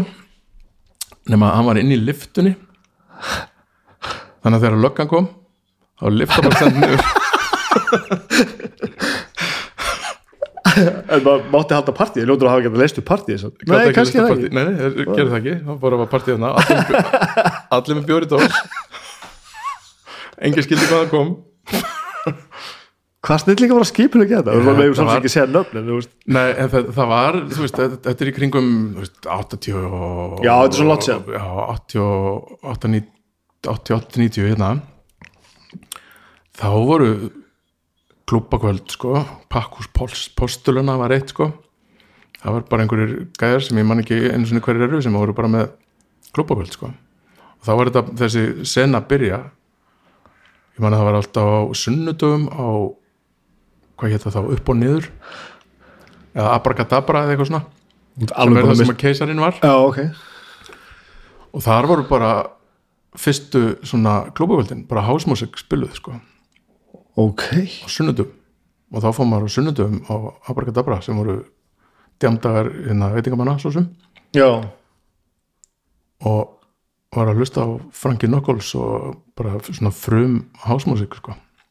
og var þetta alveg svona allt í botni blikandaljós Já. eitulif og vatn Nei, nei, nei, ekki, ekki þarna sko þarna Nei. var maður að drekka sjartrus því að það var ódýrast sko já, þetta var semst bara svona íslenskt fyllir í Já, já, já. já ok Va- f- fóru Íslendingar einhvern tímann út í þetta þetta raun harða breska ekstasi fyllir í smál að Ég þetta er svo, nú er ég að spyrja alveg að þetta er svo Já, langt frá mínu veruleika ég bara, Ég bara veit ekki að ég var svo mikið í útlundum já, þú varst út í það, já, já þar var þetta vantalega já, já, já, ég var í Manchester, bjóð í Manchester á tímbili jeps. Þar hefur verið gaman. Á þessu tíma maður. Já, geðveikt, sko. vá maður Hacienda, það er legendary í þessum bransa sko. Já, vá. Þannig að já, já, maður er búin að gangi í gegnum ímislegt í þessu En sko að, varst að elda þetta? Þetta hefur verið það sem við fannst gaman að gera. Þú, þú varst þarna af því að senan var eitthvað sem þú vildi vera að fylgja. Nei, sko, ég, ég fylgja, fylgdi vinnu þess vegna var ég Manchester Já, það er svoleiðis. Já. já, já. Og það, það var flugfreyju vinna Já. Við vorum, þetta var á þessum tíma sem Atlanta var bara að byrjaði bara lítið sko, það voru einhverjar á þessum tíma sem ég var þarna var fyrsta flugvélin keft sko, við voru bara með lögvélar. Og svo voru bara verkefni og svo eldi maður bara verkefnin sko. Og við vorum bara send þú veist, ég manna við vorum einhvern tíma send til Parísar. Bara og daginn eftir áttum við að fljúa til Martiník og svo þurftum við að vera þar í, í, í því flugi í þrjár vikur. Fram og tilbaka, París, Martiník og þú veist, og svo vorum við allt í einu send líka einhver hópur sem að þurfti að pikka upp einhver flug á Kúpu já, já. og þá þurftum að fljúa til veist, Moskvu til þess að komast með einhverjum hérna, aeroflot flugulum til Kúpu að það var svona, þú veist, það var alveg spennandi að vera, þú veist, vinnan sjálf var ógisla leðileg, en það var spennandi að vita aldrei hver maður var á morgun. Á þessum, þú veist og náður af kom allt í einu vera allt í einu komin til Moskvu og þurfa að eða þremdöfum þar. Já, ég ætla að segja, þú náður að vera á þessu stöðum já. já, já. ég voru að geta mér harmoniku í Moskvu. Sem ég á ennþá. Og það var uh, góð segja sko, ég var þannig eitthvað að flækjast og það var einhver flóamarkar var, þetta var veist, 90 og eitthvað 6 held ég. Og það var náttúrulega frekar svona umulegt ástand í Moskvu og svona leðilegt nema það var einhver svona flóamarkar sem ég fór á. Það var einn að flækjast, ég var mjög mikið einn sko og kynntist bara alltaf einhver fólki. En ég var hérna einn og það var hérna, í einu hotninu á þessu flóamarkaði voru, var svona hljóðfæra bás einhver. Og það var einhver kallar að spila harmoníku og syngja, draka bjór og ég fór hérna eitthvað inn og veist, gaman hjá ykkur strákar, eitthvað, fylgjast með og brosa og læja og eitthvað. Þá kom einn og sagði, na, viltu ekki kaupa þessa harmoníku ég bara, næ, ég ekki að gera harmoníku 200 rúblur. Ég bara, "Ah, nei, ég myndi borga mestarlega 20 sko, ok. 20 rúblur var kannski 20 skall eitthvað. Þannig að hérna, ég kefti harmoníku og gæjan fór með 20 rúblunar og kefti bjór fyrir þær. Og svo satt ég með þeim hann í alveg klukkutíma og drakk bjór meðan þeir byllu á harmoníkuna svo fór ég heim með harmoníkuna Vá. það er alls konar svona sem maður lendir í því maður er einn sko. Þú kannt að ferðast eitt sem sagt. já, Þetta er mjög- góður punktur sko það að verst að ferðast þrýr já, gláta maður alltaf að býða eftir einhverjum sko. það er rosa erfitt sko. Tveir er gott eða með góða makkar en það er alltaf eitthvað sem gerist já, ég elska að fara einn út að borða. Einn út að borða? Já. Vá, ok, og helst svona hérna, fancy stórar langar máltíðir. Elska það. Þarft ekki þarft ekki að hafa eitthvað interaktion þarft ekki að hafa Nýja sko, Hvað? fyrst var ég stressaður þegar ég gerði það en svo fatt ég, þá tók ég með mér bók og svo bara lesi bók þangur til að maturinn kemur og þá lokaði bókinni og þá fókusin 100% á matinn og drikkin ekkert sem trublar og þú nýtur þess nógu mikið þess að geta að fókusir bara á fram í fingurkoma. Og svo eftir hérna, þú veist, þú búin að draga kannski þrjú vinglaus þá er þjónin farin að spjalla við þig og þú ert farin að spjalla við þjónin og þá ertu komin búin að hitta eitthvað fólk. Á nú var ég að prófa þetta þetta er æði, ég sko get ekki mælt nóg með því að fara einn og þú bara það er kjánalegt fyrst. Ég maður bara því fór fyrst einn í leikus mér varst það bara hvað er ég að fara að Já. gera? Og svo alltaf það alltaf frábært sko. það er ekkert sem trublar, nei. Þú ert með 100% fókus.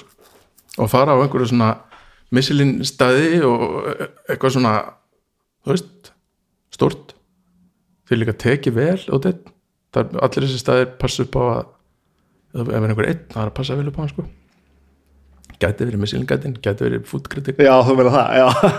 Getur við mission já, en svo gæti líka bara verið að það væri einn sko, og ég hef sagt þetta við mitt starfsfólk að hérna, ef það kemur einhver einn hugsið vel um hann, af því að hann er að koma eitthvað sérstaklega. Já. Gera sér ferð, einn, ekki til þess að vera með einhverjum heldur til þess að njóta þess að við erum að bjóða upp á. Auðvitað. þetta er magnað. Mhm. ó nú er ég ekki rónni hann allir fyrir einn út að borða. Fara einn á dill. Einn á dill. Ef að tala um dill veist þú stakst á því? Já. við erum kannski ekki alveg komlega að reykja okkur ángað ok, ég kem heim frá hérna mér okkur að gera eitt samt fyrst. Var þetta svona leiðileg þessi vinna þessi, flug, þessi flugfröðu vinna já, var ógeðslega já leðileg það var bara þannig. Og náður ekkert að, njóta þess að vera þjóna fólki þarna og þjónaður hinnu jú, smá, þegar, þegar við vorum að vinna fyrir Iberia, þá vorum við að fljúa hérna, Madrid, uh, hérna Havana og þá var fyrsti klassi. Já. Og það var svolítið að þá var maður bara að skera hérna, steikur og afgræða kavjar og, og fín vín í kristaklösum og eitthvað svona, það var, Ok. það var næs en annars bara annars var þetta bara sjúklega leðilegt sko. já það hlýtur í lengi að vera sko. það vill enginn verið í flugvel nei, en stoppin voru skemmtileg sko. já, og við vorum alltaf, við vorum að vinna í stórum flugulum þannig að við vorum alltaf í því sem að kalla long haul flights já, þannig að það var alltaf stopp í allavega daga tvo á hinum endanum sko. Og það er svona sennilega döði í þessu öllu sár sko. já, já algjörlega. Á fínum launum, góð frí já, og náða að fara mjög viða sko. sjá heiminn og, og dansa. Já, já. sorry, ég ætla ekki grípa fram mér svo kemur, svo hættur þessu. Já, og svo hætti ég þess að kem heim ég bara, svona, bara svona, sem ég gefst upp á þessu sko. og þú þá bara einn með sjálf þér og, og bara, já, þannig var ég glömkosi já, ok. Svo hætti ég að vera glömkosi en þú varst svolítið í því, þannig að þú varst að lifa lífinu þess já, já, Já. bara mjög vel sko. og kunnur það, eða varstu bara svona já, ég, ég kom hennar að ég vildi óska þegar ég hef var glömgóðsvið að ég hef fattað meira að að hvað ég var að gera sko, gera það bara svolítið svona skipula en ekki, en það er kannski eðla sjálfman, ég segi það ekki. Nei, ég held að þetta hef ekkert verið skipulagt sko. en jú, það var svolítið skipulagt að ferðast út um allan heim. Ég, já, og hef, gerir það gerir ég ennþá. Eða þú veist, gerði þið fyrir COVID. Já, mér finnst það hérna, skemmtilegt að fara einhvert á einhverja skrifnastæð meiri sér að ég kerði í gegnum hérna, kerði í gegnum bandaríkin aðleitni í hitti fyrir frá North Carolina til New York. Wow og stoppa bara einhverjum dænerum og gisti einhverjum já, hérna, þá hittum maður fólk. Já, þá hittum maður einhverja hérna, konu á einhverjum soulfood stað í North Carolina sem kallar mann honey. Já. Já. Do you want more chicken honey? Elska. Sem hún gerir ekki að þú ekki þetta er svo rétt. Ég vil þetta gott. Við erum bara að gripa fram með þrisvar með Allt er góðu sko. Ég. Þú bara, þú stjórnar þessu ég er ekki að stjórna neinu hérna. Við komum með það Já, svo kem ég heim hann á 2000 og hérna alla bara verið fríir svo bara er mér búin vinna sko fyrir að vinna sem kokkur á kaffi list í ykkur tíma en þú ert að var að opna það varst alveg til að koma heim aftur sérst. Já, já, þá er ég bara rætunar farin að doga og hérna, þurfti bara að koma heim sko ok, Það er búin að, ég er búin að vera í ykkur næstu í sjö ár í, í ótstálsi sko. Þannig að ég fer, er þarna einhver tíma og fer svo apotekki og það er í nokkur ár yfir þjótt sko. Það var geggjað ógislega gaman, það var flottist staður Reykjavíkur á þeim tíma sko. já, og við vorum við vorum krú sko. já hvernig var hvernig var uh, statusin á íslensku veitikastöðum hann er eftir aldamót hvernig, hvernig var, sko, þá opnar apotekið og það, þá kemur eitthvað nýtt sko. er þetta ekki nefnilega að gerast þarna Jú, þetta er svolítið að gerast þarna því ég man nefnilega þegar ég er lítill þá er þetta bara svona fínt út að borða og svo bara allir hinni staðir Já. er þetta misminni í mér að Nei, ég held að þetta sé svolítið svolítið sko. það, og er svo sem ennþá sko, en veist, það var svo margt nýtt sem var gerast á aptekinu fyrst skipti sem kom einhver svona hérna, Asist Fusion eldhús. Fyrsta skipti sem að kokkar sáust af því að það var bara glugginn í eldhús. Já, já, já. uh, það var hérna, þetta var alveg dýrt og fínt sko, en það var hérna svona há músik sem að ég var til dælu fljótur að taka yfir og þá var eitthvað svona eitthvað svona sem að eitthvað svona semi-ambient hérna, tekno svona sem við höfðum bara hátt og það var stefnan sko, það var stíllinn. Og það var náttúrulega fullt af einhverjum gömlum lumum sem að meikaði það ekki sko. Þannig að þú veist, það var ímislegt sem að við kend, kendum eða við, sem, sem að Guffi náttúrulega átt einn á stað sko. En það var ímislegt svona sem að við kendum fólki hreinlega bara, veist, það þarf ekkert að vera fjóri metrar á milli borða. Þú getur bara að sitja við hliðan á manneskinu við hliðan á þér eins og í útlöndum sko. já, og ef við ætlum að hafa músikinu svona hérna og þú fílar hann ekki verður það bara annars stað sko. Já, þetta er stílinn sem við erum að bjóða upp á annarkvæmt fílar það ekki. Og það var svolítið góður og mikill skóli sko. Bara það er ekkert alltaf allir sem fíla allt sem gerir. Og það er fólki sem kemur á veitingastæði finnst svolítið erfitt að geta ekki stjórnaði sko. Já, og ennþá svo sem sko. Bara og við opnum vinstúkan í fyrra þá hérna af því þetta var einu sinni kaffihús. Þetta er það sem tíu drópar var eða ekki, Já. og þetta er tíu sópar núna. Já. Og þá er alltaf að koma fólk inn og segja hérna, allir ekki að vera með vöflur þið verðið að vera með vöflur bara við erum vingbar sko. Við ætlum ekki að vera með neina vöflur af því þá fólk bara mynda sér einhverja skoðun áður það kemur og verður svo pyrrað yfir því að það sé eitthvað annað í gangi heldur en þú helst að vera í gangi Vá. en þú veist þannig að þannig lærði ég mikið að guffa og var með honum í, þrjú ár í þessu sko að hafa þá bara þetta confidence Já, að að- segja bara svona er það, Já. þetta er frábært en ef þú fílar ekki þá er það alltaf Já, stand í lappirna með það sem allar gera og ef að hérna, vonandi fílaði fleiri heldur en færri sko. til það sé hægt að gera þetta þú veist, jú, jú, þú þarf að geta bröðist við og, og, og svoleiðis en, en þú ert búin að búið til einhver koncept og ef þú breytir strax þá, ef þú allar getur að vera alla þá endur með að getur að vera engan. Já, já, nákvæmlega. Að því þú ert að segja þetta með vöfluðar Já, nú er ég ekki að fara að tala um vöflur. Jú, það er komin að vöflur á þig. Að hérna að- það er eitt, eitt sem ég geri og búin að ákveða að gera að á veitingastöðum og, og börum allstaðar að, að, að þetta er tvíþætt sko. Ef einhver býður mér eitthvað þá segi ég já. Já, takk, já, viltu smakka þetta hér, þá segi ég já. Og mér er alveg sama hvað það er. Og helst ef þetta er eins langt út fyrir það sem ég er vanur og bara endilega sko. Og ég ég spyr alltaf bara hérna hvað ætti ég nú að fá mér? Já, ég spyr ekki, þú veist, með hverju mæliru heldur ég er að reyna að fiska sko, hefur frumkvæða á að segja eitthvað við mig? Mm. hvað, eða, hvað, hvernig ætti ég nú að hafa þetta? Hvað, hvað ætti ég að gera þetta núna? Og bara, ef það kemur svona, í hvernig skap ertu? Þá bara, ok, þetta er búið, þetta Já. er ekki spennandi. En kemur einhver að segja hérna, eru, hérna kolkrabba augun eru frábær eða eitthvað svona, þá bara, ok, geðu, þetta að fá það. og bara, þetta er bara ófrávíkjandi regla sko. vill fólk láta mata sig? Já, er það svoleiðis? já. Máli er að bara að ferð, ferðast til, segjum, Ameríku. Aha. þar er þjónusta proaktiv. Hér er þjónusta reaktiv.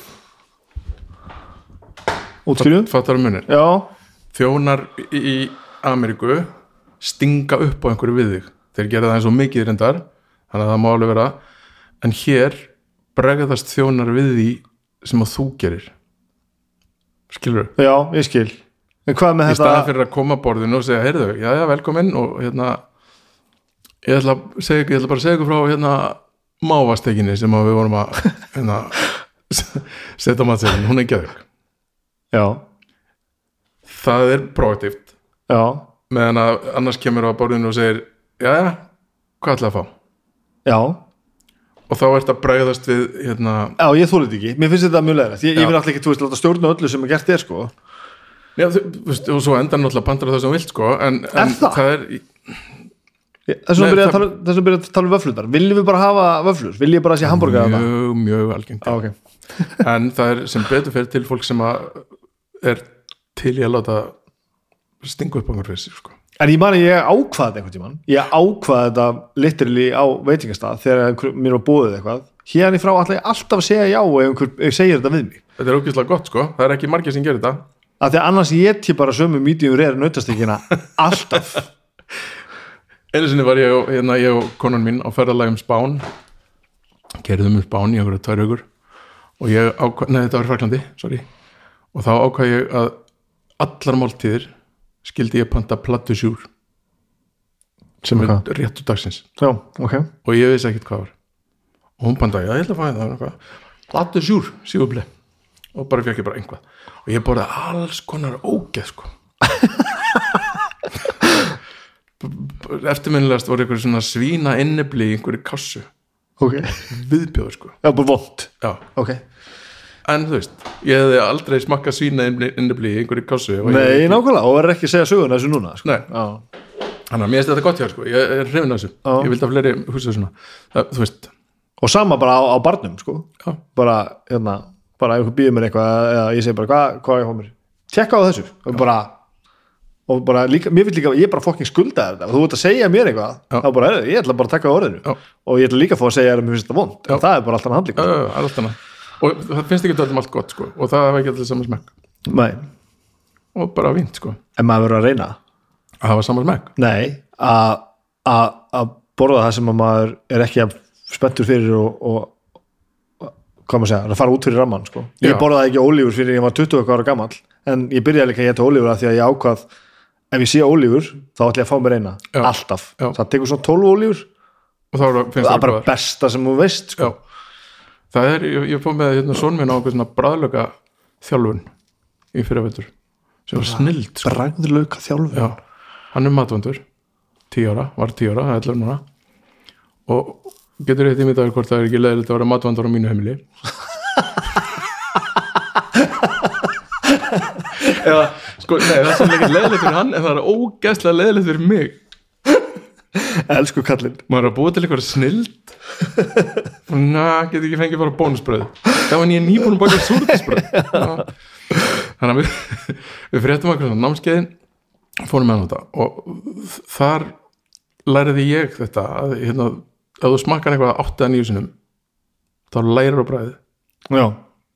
Það var 12 ára, ára það var sannlega á nýjundu ólífinu sem ég já.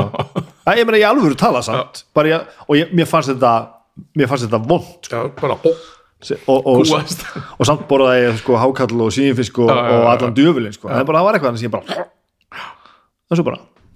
En þetta er bara eins og komum aftur á dill sko.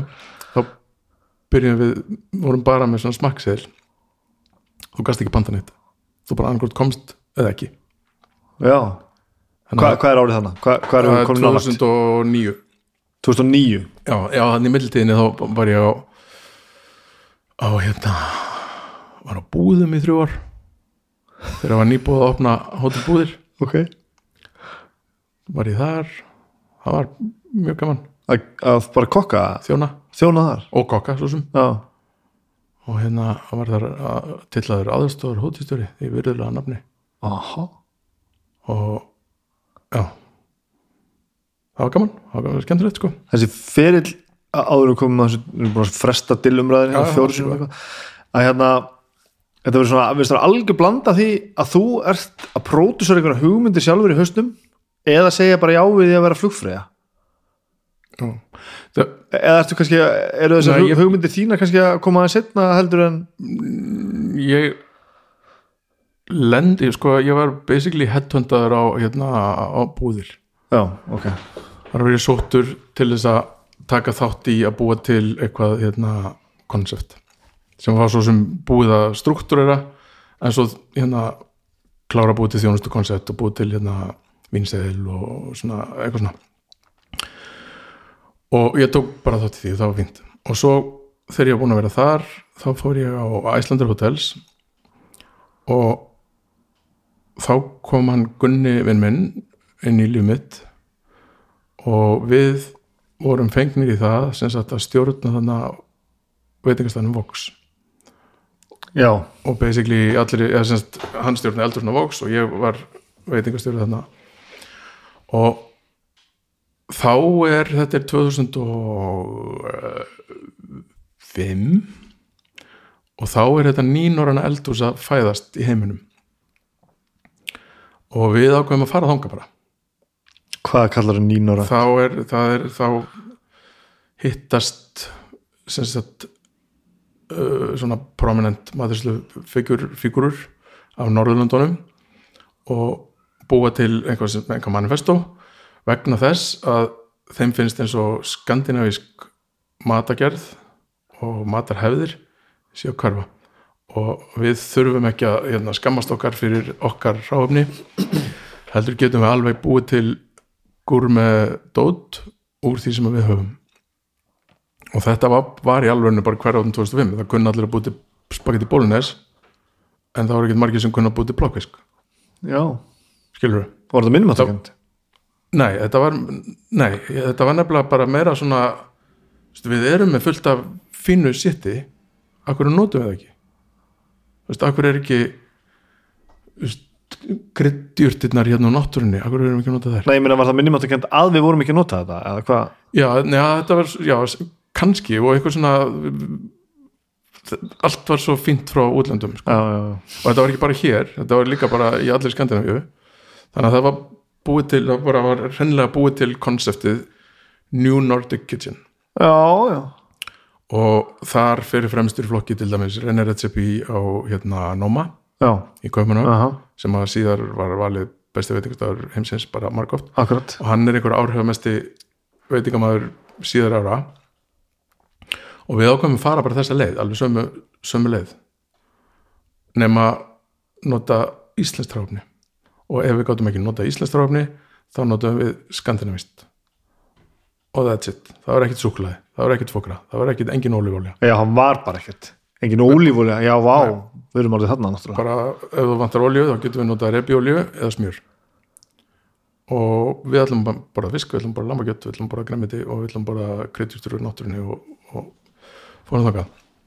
Og bjöggum til og fengum svona cirka frjálsar hendur bara til þess að gera það sem vildum en það og okkur tókst að búa til frábæran veitingstað það var pínu bara átta þarna við, við hotellið náttúrulega því þetta er hotellrestaurant að því að við neytum að vera með súkulæði og við neytum að hérna, þú veist, þú vorum að gera og Gunni náttúrulega bara alveg galdramæri heldur svona sko.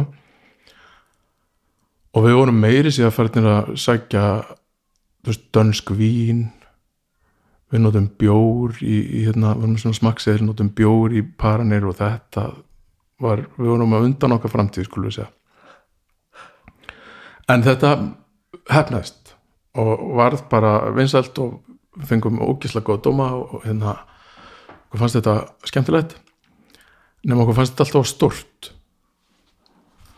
Sta, staðurinn bara. staðurinn, já. þetta var 80 sæta staður og mitt verkefni þannig var að reyna að stúkan svolítið sundur þannig að þetta væru funkar eða frekar eins og tveir, þrý litli staðir heldur en einn risastór gemur og og veist, þetta hefnaðist allt sko um öll músikinn norræn ég meiri sér gátt gestludisk sko Ok. ég fekk margir til þess að búa til hérna New Nordic Vibes Yes. Tekið alla leið. já, við tókum þetta svolítið allaleg sko. Veist, allt hérna stell. Mm. allt. Nema svo við náttúrulega hótelið sig og það, það, þannig að það þurfti að vera morgumaturna líka og hérna hátis hlaðborð og eitthvað. Þannig að við ákvæðum að hérna 2008 þá sögðum við upp vinnunum okkar þar sem við vorum í bara góðu djópi á stöndu fyrirtæki. Og við vorum búin að finna einhverju hérna, einhverju fjárfesta sem var til að setja peningi í þetta með okkur og við ætlum bara að opna veitingastað í Norrannhúsinu og svo kemur bankarun þannig að tengiliðar okkar við fjár- fjárfesta urðu allt í hennu bara tengiliðir fjárfestöðnum voru ekki lengur til Nei, nákvæmlega. þannig að en okkur tókst samt einhvern veginn að hérna opna í Norrnásinu og allir held að við verum sko bara þegar verið komnir aftur hinga á Hotels bara eftir tvo mánuði sko. Akkur gerðu þetta þarna? Að þetta var norrænt? Norrænt. Í? Já, og okkur Vá. bauðst þetta rými og þetta hús er náttúrulega geggjaður þetta er einhver fallegasta hús bæjaði sko. Já, og veitingasalurinn hann með glugga yfir tjötnin þetta er frábært sko. þetta var ekki ídeal veitingastaður og pingulítið eldús og við þurftum að gera eitthvað preppa eldús þarna fram á gangi og nýri kjallar og eitthvað mm -hmm. af því að við vorum með bara við, það sem við ætlum að gera var að búa til besta veitingastað á Norðurlundunum bara, við ætlum bara þangað. Og það var bara planið að gera það? Já. og við ætlum allavega að vera bestur í Íslandi. Og það var engin fattarðu? Nei, við meiri sér sko þegar við vorum búin með opið í hérna tvö ára held ég. Þá hérna vorum við búin að vinna sagt, besta veitingastæður á Íslandi. Og vorum búin að fara út í ykkur svona norræna samkeppni þar sem að voru valinn besti veitingastæður á Norrlundunum og við vorum í topp fulltrú Íslands þar tausunum og þá sendu tölvupast á missilín hvað rugglar þetta er ekki að koma. Sendu þið? Auðvitað gerðu þið það. Og döðu það bara, bara það. nei, nei, nei. Ég ætla að segja þér það. Það kom tilbaka- það kom tilbaka við vitum að virkar frábæra stað á Íslandi en við erum ekki að fara að gefa út missinstjórnir á Íslandi í bráð. En þetta var bara, við bara Já, já. bara beint áfram fullaferð Hvað veist, Hvað það maður að gera til að gera þetta? Að, að því veist, það er eitt, eitt er að gera hlutina vel og, og allt saman. Þa, Þannig ertu bara að tala um að hva, hver einasti hlutu sem er gerður hann er í háklasa. Það er allt eins gott og það getur verið. Þú slæri aldrei af í neinu neinstaðar Nei. Það er bílu vinna maður. Já, það var ógeðslega mikið vinna og við hérna á, þetta var náttúrulega fyrstu fyrsta árið eða tvö árin voru bara erfið sko. Við unnum alveg ógeðslega mikið. Vorum bara þarna allan sólarringi með um hérna við vorum samt, samt vorum með loka þrjáta í viku sko.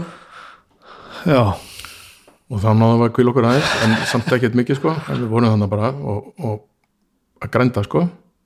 Veist, það er grændið. Þetta er alltaf grændið sko.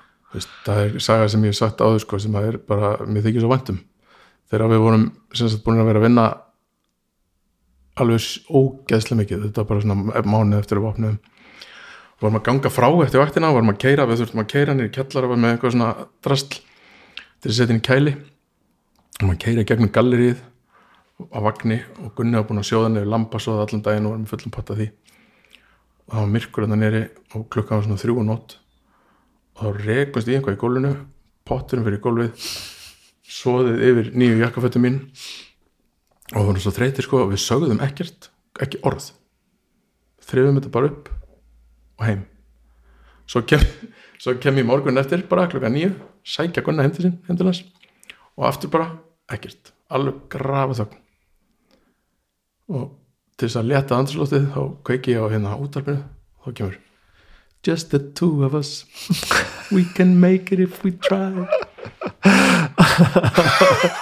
Mér finnst þetta svo fallið Já, sagði þetta er gott.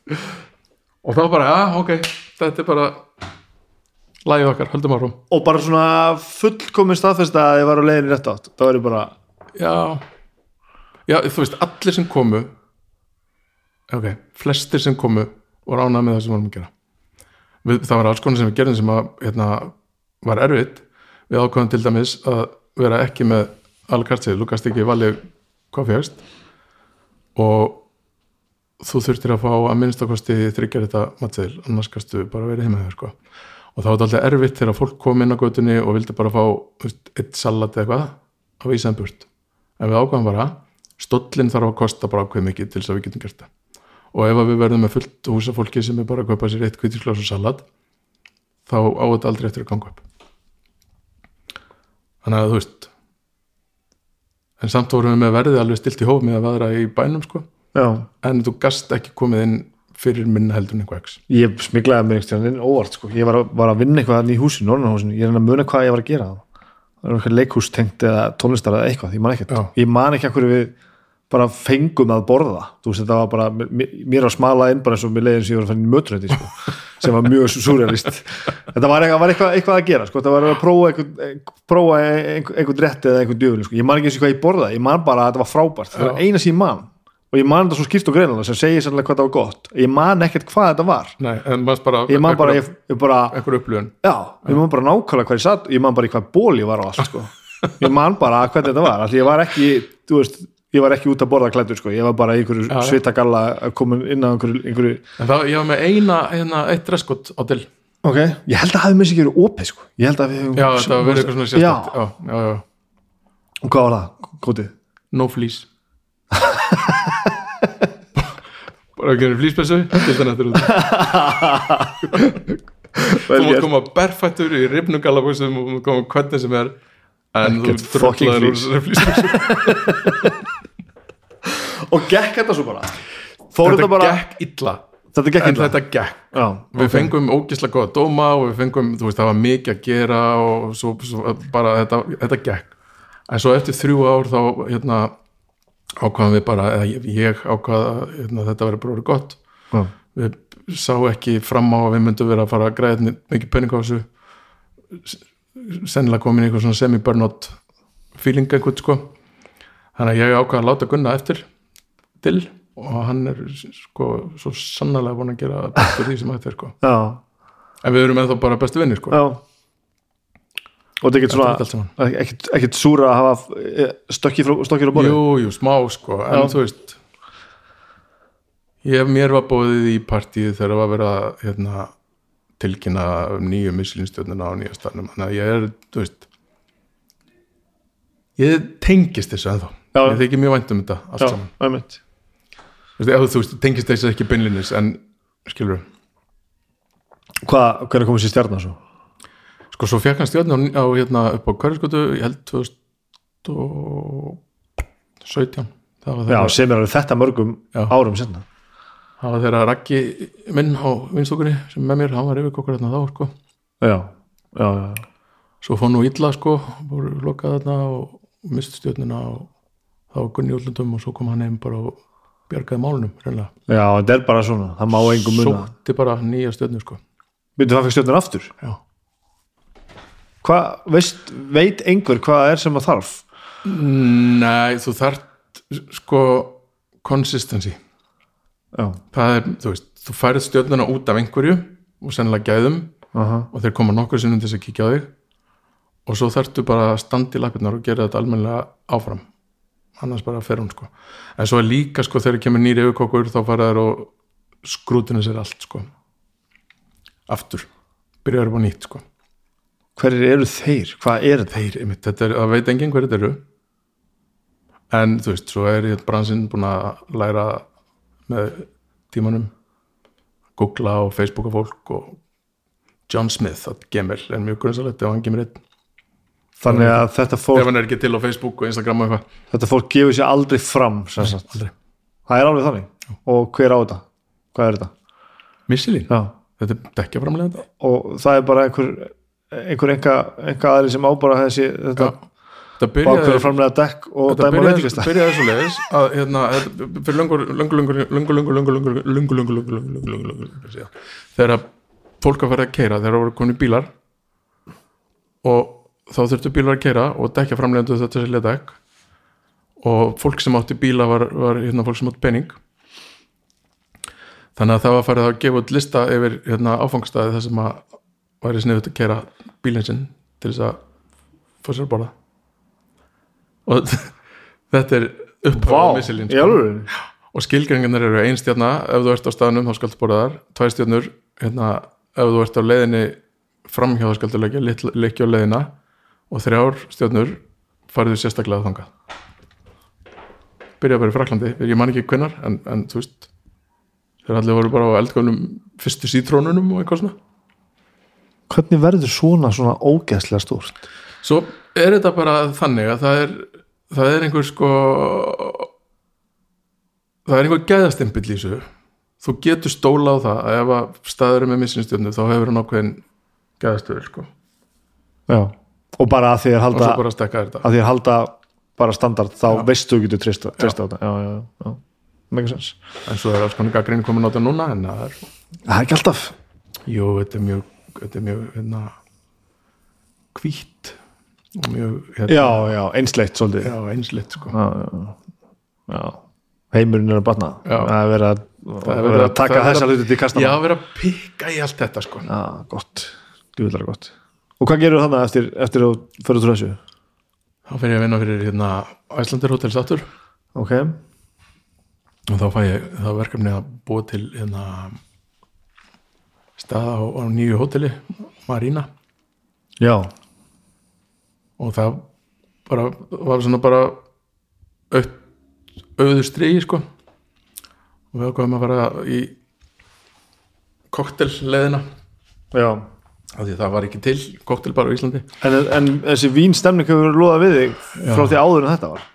Já, já, ég er hérna var forseti vínisjónu samtaka Íslands.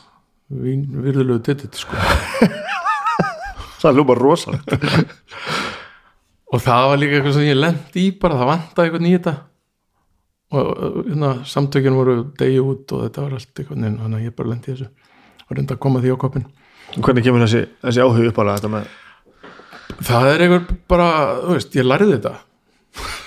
Já, vinnfræði í, í skólanum. a- og svo er þetta bara þetta er það fylgir vín, þjón, þjónunum Já. og svo er þessi vínheimur svo sjúkla heillandi af því það er svo þú veist ekki bara að drekka vín heldur þetta að drekka sögu sko.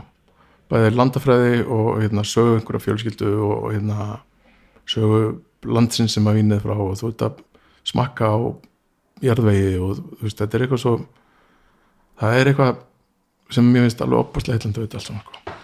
og ekki bara þú veist jú, jú, ok, vín var náttúrulega búið til til þess að vera fullur uppalega sko. Og það er alveg gaman. Það er mjög gaman. En það er ekki það er ekki bara það skulum við segja sem að dreifu með þessu heldur er þetta bara svo mikið mikið hérna saga sko. Það er svo mikið snopp í þessu og þess vegna er ég komin í þessi hrifin af þessum náttúruvinum það er ekki eins mikið snopp þar. Já, þar má vera gaman.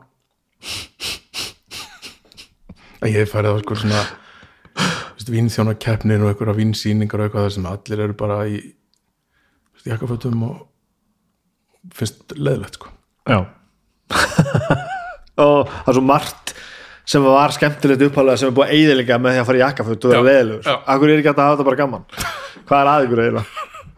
allir, þú veist, ég var mann ég bara alltaf til miðnættur sem voru einhver vínsýningu. Og það var, þú veist, 200 manna partí og allir búin að vera þar í 2-3 tíma og það, það kom bara alveg sæmilega í alla það voru allir að vanda sig svo mikið við að vera hérna, fínir, sko, Hvað er einhvern veginn? engum fast gaman sko. Þetta er leiðilegt sem maður gerir fara í partíin sem alla langar til þess að fara í og það langar alla svo mikið að fara í partíi það er að passa sig sem eru þar. Já, djöfullin, þá er ekki gaman. Nei, þá er svo leðilegt Já, þá er mjög leiðilegt. Aldrei ekki á forsninguna á þessari bíómynd? Aldrei, aldrei. Ég ætla aldrei að gera það Svona félagskýtur í vinnu Alltaf eitthvað svona að vera að bjóða okkur eitthvað svona Já, svo er svona eitthvað. Bara, bara, Nei, mér langar ekki neitt. Þetta er alltaf já, einhver svona uppskrúað snopp er leðilegt sko. ó, Já, ég ætla ekki eins að fara okkar Ég get svo, ég get tala svo lengi um þetta sko. En það var Marína Já, Marína þá var ég sagt, fengin, fengin í það verkefni að búa til hennar bara hérna. Og hérna, ég vissi ekki um koktela þannig þannig að eins og í svo mörgu ef að ég ætla að gera eitthvað þá bara, ok, koktelar hvað ger ég?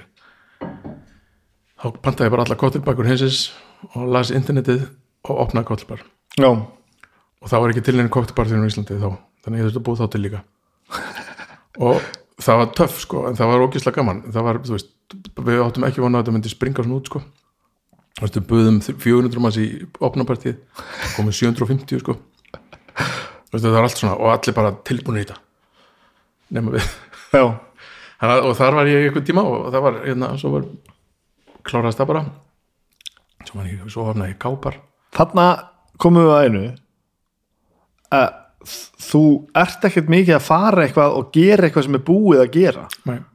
þetta er svona, nú, nú erum við bara að tala okkur í gegnum að sem art þú ert svolítið hérna bara ef þú ætlar að fara og vinna á þessi veitingastað eða opna þenni veitingastað þá ert alltaf að finna einhvern vingil sem að þetta er einhvern veginn. Já. eins og bara til dæmis með veitingastað sem ég er nú fastakunni á sem er hambúrgarastafinn hérna vestur í bæ Já. að það er svo augljóslega þetta er svona að því að þetta er svona. Það var ákveð að þetta væri svona. Hagavagnin er einhvern veginn. Og það er, skiptir ógeðslega miklu máli í þessum bransa. Já. að, hérna, eða mér finnst það skipta máli. Þú býrð til einhverja einhverja hugmynd þú- eða svo færði einhverja hugmynd býrið til einhver koncept og svo þarf þetta að standa í lagna með koncepti og þetta er eins og með hafagnin ég, þú veist, bara lítið dæmi. Það er engin koktelsósar það er ekki koktelsósar nei, nei, en það er majónes og tómasósa og það er bara vegna þess að þú fyrir að hambúrgarstað til dæmis líka, þannig til hann var ég fengið til þess að búið til hambúrgarstað og þá fór ég bara og las allt um hambúrgar sem hægt þurfa að fara. Ég fór til Ameríku og ég borðaði hambúrgar á dænerum og ég, þeirna, já, við erum alveg þarna já, og bara af hverju var fyrsti hambúrgarinn búin til? Og hvernig eru hambúrgar búin til í, Ameríku? Og hvernig eru þessir gamlu gamaldags dænerborgarar þeir eru bara úr feitu kjöti og á þeim er sinneb og majónis súrgúrk ostur. Það er basic ostborgari og hann er þarna sko. Og það, þú veist, þetta snýst um geðarháfni og, og standilagnar og gera þetta vel. Mm. og að halda út og halda út. Já, og ófóði staði sem maður hefur prófað og prófað svo aftur til tvo mánu og það allt í Já. raun. En það var þarna, þú veist, sennilega Marína sem að ég fór svona, þú veist, jú, jú, ég tekið þátt í að opna, þú veist, ég var, tók þátt í að opna kaffilist, ég var þú veist, það var nýbúið að opna apotekið þegar ég var þar og ég hef, það, svo dýnamík finnst mér ógeðslega spennandi, Já. það var nýtt, sko. Búið einhver til, fyll í einhver gat sem að vantar. Já. Að þú svolítið, svolítið í því að koma við Já, að vera í ákveðin tíma og fara svo út og ge- gera næsta og svo bara gerði ég það svona bara að karriér, sko já, bara með vitað að fara Já. og droppa frekar inn heldur en hitt Já. já, af því það er, það er svo gaman, sko já, já. það er ógeðslega gaman að sjá eitthvað þú veist, og þú, þú bara þú býr til plötu það er svo gaman að sjá hann koma út vantalega, Já, það er ekkert skemmtilega heldur en að fá fyrsta eintæki í hendur þar. Og, Og- það þreytist aldrei. Svo þegar að þú sko fólk er að hérna, hlusta á hana og hafa gaman á henni og allt þetta og þetta er bara sennilega bara nákvæmlega sama dýnamík já, og þú býr til eitthvað svona koncept þessu veitingastað og það er alltaf jafn stressandi að kemur enginn og það kemur bótið enginn og þetta er bara, við getum bara lokað strax. A- alltaf en svo að sjá þetta að fólk kemur og verður ánætt með þetta og kemur aftur og aftur og aftur. Það er svo gatt það er En- svo gaman. en gengur þetta alltaf? Ég meina, hefur allt, allt sem þú hefur gert, þetta allt gengið geðið vel? Nei, en, en sem betur verður margt sko. Já, svo hefur verið óhöfum með partneri eins og Kápar, það bjökuð til hérna, kóreska veitingastað því hann var hvergi til. Já, og þá fór líka bara og las allt kórist sem að hægt var. Og þar var ég hérna í eldhúsinu. og svo áttum við ekki skap saman ég og eigandinn og hérna, hinn eigandinn hann þannig að ég fór út því. Já, og já. Það fór eins og það fór. Mhm. Og þetta var bara svo allur annar business og manni samskipti að hafa vitað að flýja áður en að fara út áður en að allt fyrir orðið óljótt. Allt fór ítla sko. Hvað eru komin í tíma, hvernig er kápar, hvernig er Kápar er ég man ekki, ég, man, ég veit aldrei hvað dagur er sko. ekki heldur sko, við erum alveg glóðlösið það, það er mjög gott. Ég veit alveg hvernar þú veist, fólk á ammali en ég veit ekki að sá dagur er endil í dag sko. Hvenær ferðu þá að vinna við að vera þú? Hvenær ertu orðin, þú veist, þessi sem er, hérna, er, hringt í? Og þessi sem er einu komin bara í einhver viðtöl og já, það er sennilega bara þarna upp úr Marína sko já, og svo þar, þú veist, í kjölfara því þá hérna, er, ringdi mig og ég spurði hvort ég til ég komið pröfu fyrir Masterchef. Já, já, já, já. Það er þarna bara. Já. Og það er eftir bara, já, já. Ég hef aldrei gert neitt svona sko. Nei.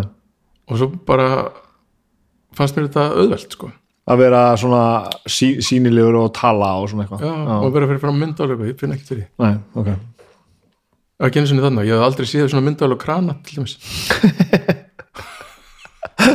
Fyrir hún kom bara í andlitað á mig sko. Já, og þú veist, og bara því miður var bara gert eitt síðan af því sko. Já, og svo bara var hringt aftur og ertu til að koma og vera þannig að þeirra sem ég vil og er með sjónastöðu tvo mánuði? Alveg rétt, ég er búin að glemma því. Hvort ég var ekki til að koma þangað? Jú, jú, já, akkur ekki? Í literally tvo mánuði. Já, vel gert. og svo var hringt aftur og ég fór að gera síðan að sjáast þetta með Ingolind og svo hérna, þú veist, ég hef aldrei einhvern veginn sóst eftir þessu. Nei, en alltaf til í þetta. Já, já, já. Ef einhver kemur með einhverju góð hugmynd þá bara, já, já, þetta er góð hugmynd. Þetta verður örgulega gaman. En hvernig gengur það í tímastjórnunum svona? Þið nú náttúrulega eru ekki talað um þú átt náttúrulega börn og, og, já, og var börn og fjölskyldu og, Já. og hérna það, veist kom það bara svona samlega og átakalaust svona með allt þitt sko. Ég er náttúrulega eignast hérna, fyrsta barnum mitt 1989 sko. Ok, og það, ég eignast í stelpur sem að því miður er í lill sambandi við en við þekkist alveg og einhvað já, og svo Anna bara sko 92 og svo hérna tveir yngstu sem eru 2006 og 2009 já þú sko. driftir aðeins. Já. já, já, að það er ekki mikið skiplaði þessu maður. Ekkert. Nei. já og þó betra að gera þetta núna held ég sko. Betur að geta svona? Já já, þá er þetta með pössun. Já. já, ég er bara 42 ára og börnum mín eru 5 og að vera þryggja og ég, ég er þókt sko. Ég er allavega 10 ára viðbútt, þetta er alveg glórlust nei, það var, þú veist, það var í, í sjálf sér ekki fyrir en bara ég var komin hérna heim aftur sem ég var tilbúin til þess að fara þú varst bara ekkert á þessum buksum Nei, ég, ég að hef alltaf verið í góðu, góðu sambandi við stráki minn sko, bara mjög góðu og, og hérna, við erum að vinna saman í dag og svona við erum bara frábæri vinni sko. Og svo bara 2001 þá kynist ég konu minni og við erum búin að vera ógift í 20 ár sko, já, þannig að það, það er bara svona fasta sambandi. Ógift hvort öðru. Já, það er okkur gott plan. Þannig að já, já. En tímastjórnunum, jú, jú, þetta kemur allt bara, þetta, ég gerir þetta svona meðfram. Svo fór ég alltaf inn og þú veist, ef, ef ég verið í svona ráðgjafarverkarum líka sko. Og það er það var of erfitt einhvern veginn að sækja verkefni. Ráð, Ég sá- ráðgjafa verkefni já, varst að gera það út fyrir það þá að koma bara og já, koma og taka til sko. Laga matseðilinn og sjá hvernig við getum aukið söluna og laga vinseðilinn og, og eitthvað svona. Já, bjóti veitingstaf Akureyri sem heitir Múlaberg. Já. Íslendingar eru ekkert mikið til í þetta endilega. Nei, ég sá hérna þegar túristabólan var að springa Já. þá sá ég hreinlega sæng mína upprétta sko, ég ætlaði að fara á öll sveita hótel á landinu þar sem var bara einhverju bændur sem voru búin að opna hótel og veitingastað já, og vissi ekkert hvað var að gera. Já, þannig að ég bara, þetta er no-brainer. Ég fyrir bara að banka upp á er þarna í einhverja tvær vikur eða þrjára eitthvað hjálpaði maður hérna búa til almennilega business og fer svo bara og rukka. Svo fyrir ég að ringja já, selli ég hérna. Já, nei. Nei. Þetta gengur nú bara fínt hjá mig sko. Já, ok, en þú myndir ekki vilja hérna, það gengur betur? Nei, nei, ekki fólk kemur fólk og þetta veist með, með allri virðingu fyrir hérna, sveita mentality þá var þetta alveg rosalega mikið sveita mentality sko. já, já. og náttúrulega líka eins og við öll náttúrulega rákum okkur á að við það var bara nóg að gera og við heldum þetta væri bara allt í lagi. Já, það þyrfti ekkert að gera neitt Nei. ekstra. Og meðan að það bara leiði öllum rúmum og setti í öllum stólum þá var okkur bara drullu sama, hugsaum ekkert áfram. Það er þannig. Já, já. og meðan svo bara rennum við á vaskati með það. Bara hvað, hvað hverju kemur enginn? Og þú veist, og, þú veist þannig að þú veist, ég hætti því eða, þú veist, ég hætti því ekki, ég gera það þá í svona smáum stíl sko, þú veist, eins og hagvagnu var svolítið sko, já, já, það er að vera bara ráðin inn til þess að koma í á stað. Já en það, þar var þetta náttúrulega bara, nú bara búið til publicity stönd úr því já, sem er náttúrulega líka frábært sko. já fjall svolítið í skuggana MC Gauta. Það var ekki einmitt var þetta ekki einmitt að því að þið voru tveir hann eitthvað að anskotast eitthvað? Já, en ég meina, veist, góðu business. En þannig komum við samt að því að mér var í fokk sama hvort að þú hefði komið að þessu og hvort að MC Gauti hefði verið að rífa kæft um að húsið sé ónýtt eða ekki ónýtt ef að helvits matur var ekki góður. Já, það myndir ekki koma ég kem einu sinni, sko, Já. en ég kem ekkit aftur sko. það er bara þannig. Nei, einmitt. en nú kem ég bara djúið oft já, það er bara fókusin það, þú þarf bara að vera með það er bara keitra fyrir nörd er það sem að hérna, ég er gera. Já, eins og til dæmis þarna á hagvagnum ef þú ert í tíu manna hópi og flestum er sama hvort þú ferð á grill 66 eða hagvagnin þá er alltaf einn sem segir nei, það er betra kjöt hana einn á tíu, já, mér getur verið hann? Eins líka bara í, veist, í, í bjór. Flestum er alveg sama þegar þú fara bara að drekja í skuldlegstar en það er kannski einn í hverjum hóp sem að vil bara fá hérna, einhvern almennilegan hérna, heisi epi, Aha. hann dregur með sér hinna sko, hann já, er ekki sama sko. Nei, og það er, það, það er þetta, bara finna gæði í öllu sem þú ert að gera geitra fyrir þá sem að fíla það þá taka þeir með sér hinna og endanum læri fólk að meta gæði held ég, já, það er svona einhver filosófía sem ég er búin að búið til í þetta er allavega gaman og ég er vonandi að sér rétt en auðvitað er náttúrulega augljóslega hlýtur að vera aðlaðandi fyrir þann sem er bara að reyka business að vera bara með einhvern sæmilegan og alþýðulegan og ódýran bjóra krana sem hann getur selt fyrir sama verðu og fengið meira fyrir hann. Og, Já, já, já. og það er eiginlega allir ánægð með það. Og það er bara fínt sko. En svo ertu með hitt líka sko. Já, já, einmitt. Menn það 90% kannski er alveg sem að þau drekki bara Viking Lager sem er Já. bæði vegi vesti bjór sem ég smakað mm. það er ekki vesti bjór sem ég hef smakkað? Hvað veist þið? ég maður það ekki. Ég bara, ég, bara, Já, ok, ég, ég hef ég bara bjóra í Nígeríu sem er ógeð Já, vesti bjór sem ég smakað, jú, ég, ég er ljó, ég veit hvað bjór það er. Það var, það var bjórin sem við drukkum í heimatilbúna eða svona alltaf því, jú, heimatilbúna tífólíinu einhvers staðar út í sveit á kúpu sem bæði ævaformt, allt gekk á, gekk á opnum díselvélum, ískraði öllu opnar keður um allt. Einhver svona parsahjól sem að rúmuðu bara fólk sem voru var 60 kíló og 160 á hæð sem við vorum alls ekki. og þar var serverað svona einhver, einhver, heimabruggaður bjór ætla ekki að sko, það var allavega bræðið eins og þú veist, þú gast fundið þetta átti sennilega að vera bjór. Það var anstekkilegur hann var svona, svona glös eins og rétti bönnunum svona, sem eru svona ríka svona plast, vaks, plasti já, svona, já, já. já, svoleiðis glösum nema miklu stærri og miklu vakskendari þannig leið svona eins og geti ekki sett gert hannaförið sko. Og grútrullu sko og svo bara einhver svona sem glöða þessi glasandar og úr hverju könnu og þú fyrst þetta bara svona fyrir skít og enga penning sko og þetta var svo vond og þetta var svo brimsalt sko nei, sem er rosa skítið, af hverju verður bjór saltur þegar hann er bruggaður? Var hann bruggaður á sjó, ég veit ekki, þetta var, þetta var rosa skítið sko. viðbjóður sko, við drukum mjög mikið af þessu. Það og þetta var nei, þetta besta saga í heiminu sko. og það er svo, svo lílegt að við höfum ekki drepið okkur í þessu tífúli og Baldur bróður mér hérna það var svona svo sólbrendur. Og ég tók svona hérna og við vorum eitthvað að smaka þetta ég voru svona eitthvað að stinga puttanum mitt og bara djúvillega þetta ógeðslegt það var allir svona, svona, hálf, svona óglætt að þessu og eitthvað. Og ég stakk vísifingunum svona hann í bjórin og strauk svona eftir ennin á honum. Og daginn eftir á hann með svona rauða rönd svona rönd svona einhver salt kemía eða eitthvað sem var í þessum bjór sem var hérna bara, bara yfði svona um sólbrunn hann var með svona rauða rönd á enninu. Það er vesti bjór sem ég Ok, er smaka en bjór, ég veit ekki hvort að manneldisráð myndi vera sam, sam, sammála, þetta var í bjór sko. það er ekki, það er ekki víst að það verði skilgrend sem að samkvæmt Europastali Nei, og svo hef ég líka bara verið í túrandi þungarhljómsveit sem fær frían bjór þegar að spila einhverjum ógeðslegum drullu kjallar einhvers staðar í, í Dusseldorf Já, það það er ekki dýri bjórin sem hefur farið þar sko. Þannig að vikinglagar ég er nokkuð sáttur með að við sko. en eitthvað síður. Ok, þegar þú stillir þessu svona en ég skil, auðvitað skil ég hvað það fara og ég er svo sammálaðið þessu með hérna, þetta, manni á ekkert að vera sama heldur. Þú veist, þú átt ekki að afþakka að einhver býður eigin skull og, og hérna og, og hambúrgara sem er bara svona hver annar hambúrgari.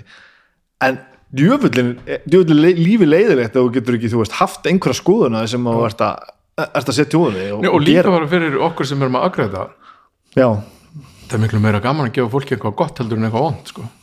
já, Þú veist, það, og komið áttur þessu bara, ég vil gleðja þig með því að gefa þér eitthvað gott Já. en ekki bara eitthvað miðlungs. Meðalmennska, þólan ekki er bara allavega vond þá. Já. Það sem ég ströggla mest við og auðvitað alltaf flestir sko eins og bara, þú veist, ég er nú ekki mikil kokkur kona mín, er æðislu kokkur sko. Það sem ég ströggla við sko ég kannski ræð alveg við að elda eitthvað pínu sko að þetta, þetta er allt eins.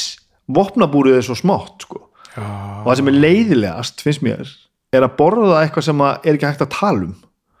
Að því ég er búin að borða það svo oft Já. að það er ekkert nýtt að tala um sko. nei það er ekki, mm, gott er gott. Já og bara, Bara- hvað er þetta hér? Já, þannig að eins og Agnes byrjaði að gera um daginn hún bara fór í græmitsborið og eitthvað í bara búður um daginn óð bara að einhverju sem, hún, sem að hann er fast áhugavert í, í, í já, já, bara tók bara eitthvað og kifti það bara og svo fór hún bara að elda eitthvað sem hún ætlaði að elda og notaði það bara, það var geðveikt sko hún ætlaði með tötsi, hún kann að elda sko já, þannig bara hug- fór ég að hugsa bara ég get ekki tala, talað um svona ísó og kartöflur meira sko. það þarf að vera eitthvað sko. já. og þetta er það sem ég ströggla við og ég bara ég, og möguleikatin eru óendanlega en, en mér hérna, fíblinu sem ræði ekki við þetta mér líður ekki þannig sko. mér líður bara eins og ég verði bara að fara að elda lasagna alveg eins og ég gerði það síðast það sleppur alveg, það er ekkert merkilegt sko. Nei, Fattarðu hvað ok, er að fara? já, já, ég skil hvað það fara já. en það er um mitt svo er bara fullt af fólki sem sækir ekki eftir sko, vill bara fá bara sitt steipul sko. já, ég vil það ekki það svona, ég get ekki svona, sko, að þetta er vesen, sko. ég get ekki þarft svo að- fullagt sjálfum mér með en hvað þetta, getur ég gert þessi lagt þú getur hérna sko. Men ég var, það var næsta spurning, hvað á ég að gera lesa fara út að borða fara einhvert, þú veist, ef þú fer á þú veist, ég veit ekki hvort þú kannt að búið til tælenska mat en þú fer á tælenska veitingastað smakar einhvað þar, já, hvað var þetta? Googla uppskriftina, já, gera. Það gera eins í rauninni sem Já. að verða þá ekki eins. Herma. Og svo hérna, þegar þú ert búin að herma nóg oft þá ertu verið að geta búið til einhvað Já, ég gæti trúið að þarna hafi verið komin ákveðið líkil sem ég þetta nógu oft. Ég held að ég, ég held að ég hafi aldrei elda nógu oft. Nei. en þú veist bara við vorum einu sinni hérna, fjölskyldan á Tælandi í þrjá mánuði. Já, og þar var hérna við vorum, vorum í íbúaskiptum við vorum svo heppin að það fylgdi ráðskona sem eldaði fyrir okkur alltaf hátíðismat ok. Og hún eldaði bara fullkonlega frábæran tælenska mat fyrir okkur. Það var daldi skrítið að vera með ráðskona sem eldaði fyrir okkur grundegi það var hérna passar illa í gamla komast hjarta en svo fór ég bara að fylgjast með því sem voru að gera. Mm. hvað er þetta að nota, hvað er ráfnett að nota? Hvernig gerir þetta, hvernig gerir þetta svona hún talaði náttúrulega engan sko og fannst óþægilegt að ég var að horfa yfir öslinu hann en þar lærði ég bara að búa til sjúklega góðan tælenskamat bara með því að fylgjast með smakka, sem var í rauninni bara alþýðu matur já, að, og, og, já svo fatta hann reyndar að fatta hann reyndar að ég var í veitingamæður og þá fór hann að búa til mér í spari mat sko. Fór að fara á markaðinn og kaupa fína fiska og eitthvað svona sko. Já, já, en bara smakka, prófa. Já, svo mistist eitthvað, það er allt í leið já, ok já, ég er svo maður ríkala hættu við það allt saman sko. Já, en það er alltaf leið Þú bara, svo lærir maður að bjarga því. Yfirleitt vantar salt eða síru. Ok, Það er svona yfirleitt það sem vantar. Salt eða síru? Já, ok, áhugavert. Sírun er annarkvæmt með sítrónu eða, eða hérna, etiki og hitt skiptir engum máli. Jú, ég veit ekki eftir að máli en það er samt yfirleitt það sem að ef að, hérna, matur er eitthvað svona óspennandi þá vantar yfirleitt salt og það er það sem ég lærði á hann Gunna að, hérna, að það sem sk- aðskilur góða koka og hérna, melunskoka er hversu langt þú þorir að fara í saltinu. Ef þú saltar alveg upp í upp að mörgum já, þá verður veitingahús maturinn matur sem þú fær aldrei heima þér. Og eins og þar er komin hérna þjálfuð paletta sem veit nákvæmlega hvað þú getur fyrir langt. En ef þú setur aðeins meira þá er þetta of mikið og vond þannig að ég- þú veist, ég held að bara fólk almennt þóri ekki að salta matið sinn. Eða gera alltaf mikið af því. Að ég salta rosalega mikið sko. En- en það er þessi. Það kemur, þetta er svona barometer sko. Já, og svo finnur þú eitthvað svítspott og um lögut komin yfir það er vond en svítspotið þá er þetta- fullkomið. Að geða þetta. En þetta lítur að vera misjant á milli fólks? Uh, já, samt sko, ekki, nei. Nei. og umami, salt og umami er eitthvað sem þú vilt leta eftir. Ok, fymta bræði settu bara fólkin parmesan og fiskisótus út í allt og þetta er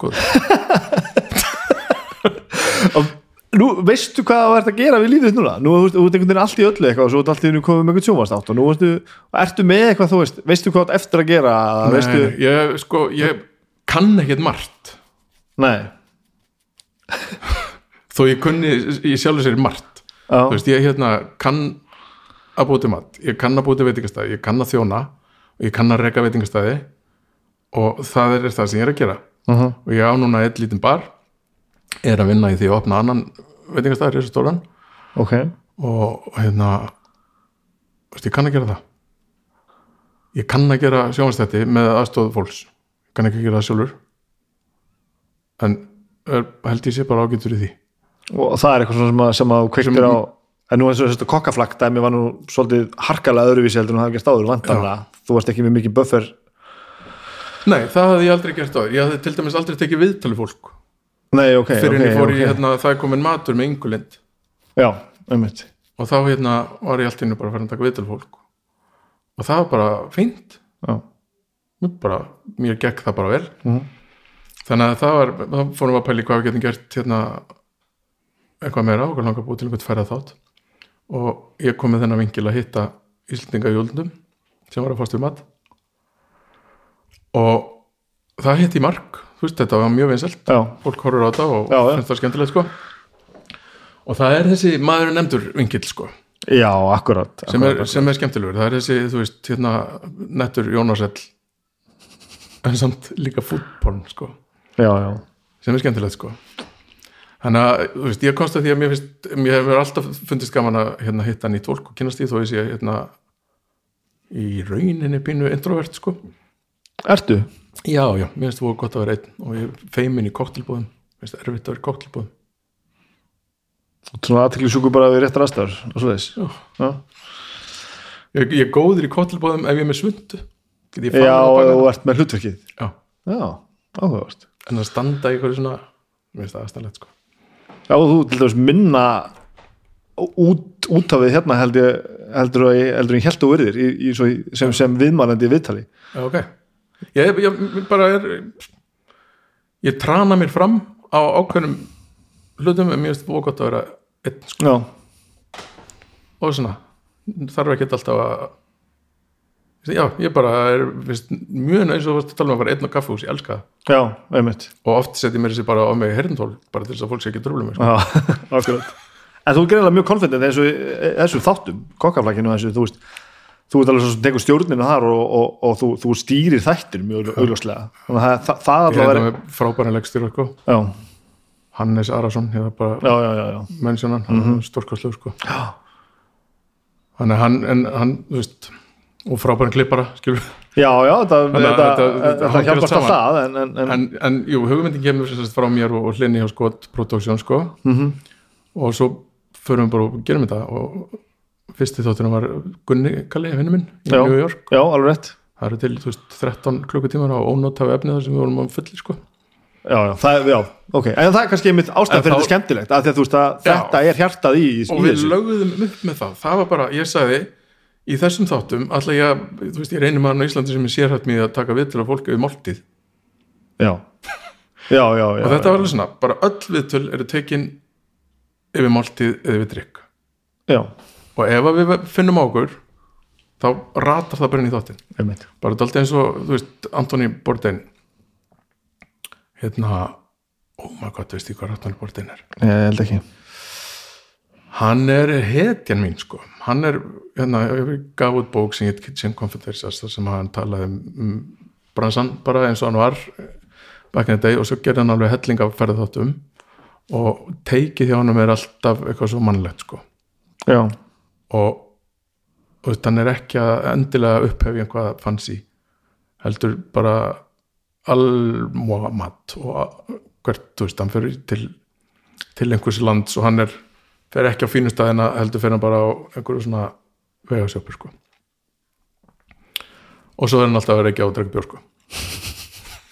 Ja, það er þetta sem að tengi við að uppi staði það er bara venjulega lífið einhvern veginn.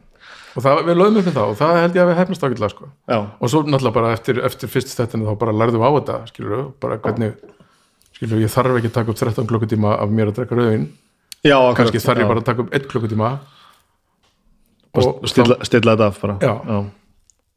hvað er það margir þetta? við erum búin að gera 10, það var eitt sísón að það ekki? 2 sísón tvö sísón, já, já, Já, og við erum bara með sísón 3 bara tilbúið, lænað upp. Upptekið já, Nei, nei, nei, já, bara- á, á handriti já, já. Já. er nóga fólki til að tala við? Já, það er svo dúkkar alltaf eitthvað upp sko. áhugavert. Já. Við náttúrulega útvikluðum aðeins, fyrst voru það bara kokkar. Já, og svo fórum við í næstu seri og fórum við í Barþjón og fórum í hana, DD Unit og eitthvað svona. Akkurat þannig að við stakkum aðeins mengið já, sem að gefur þessu þá ennþá meiri sen sko. En þetta er ekki allt, allt saman fólk sem þú þekkir eða eitthvað svoleiðis? Nei, nei, nei. skemmtilegt. Já, svo skulum við ekkert fela það ástæðan fyrir að þú ert að spjalla hérna um mig er það að blues and the plug Já, meira skítarætning hjá mér sko. Að Þegar ég og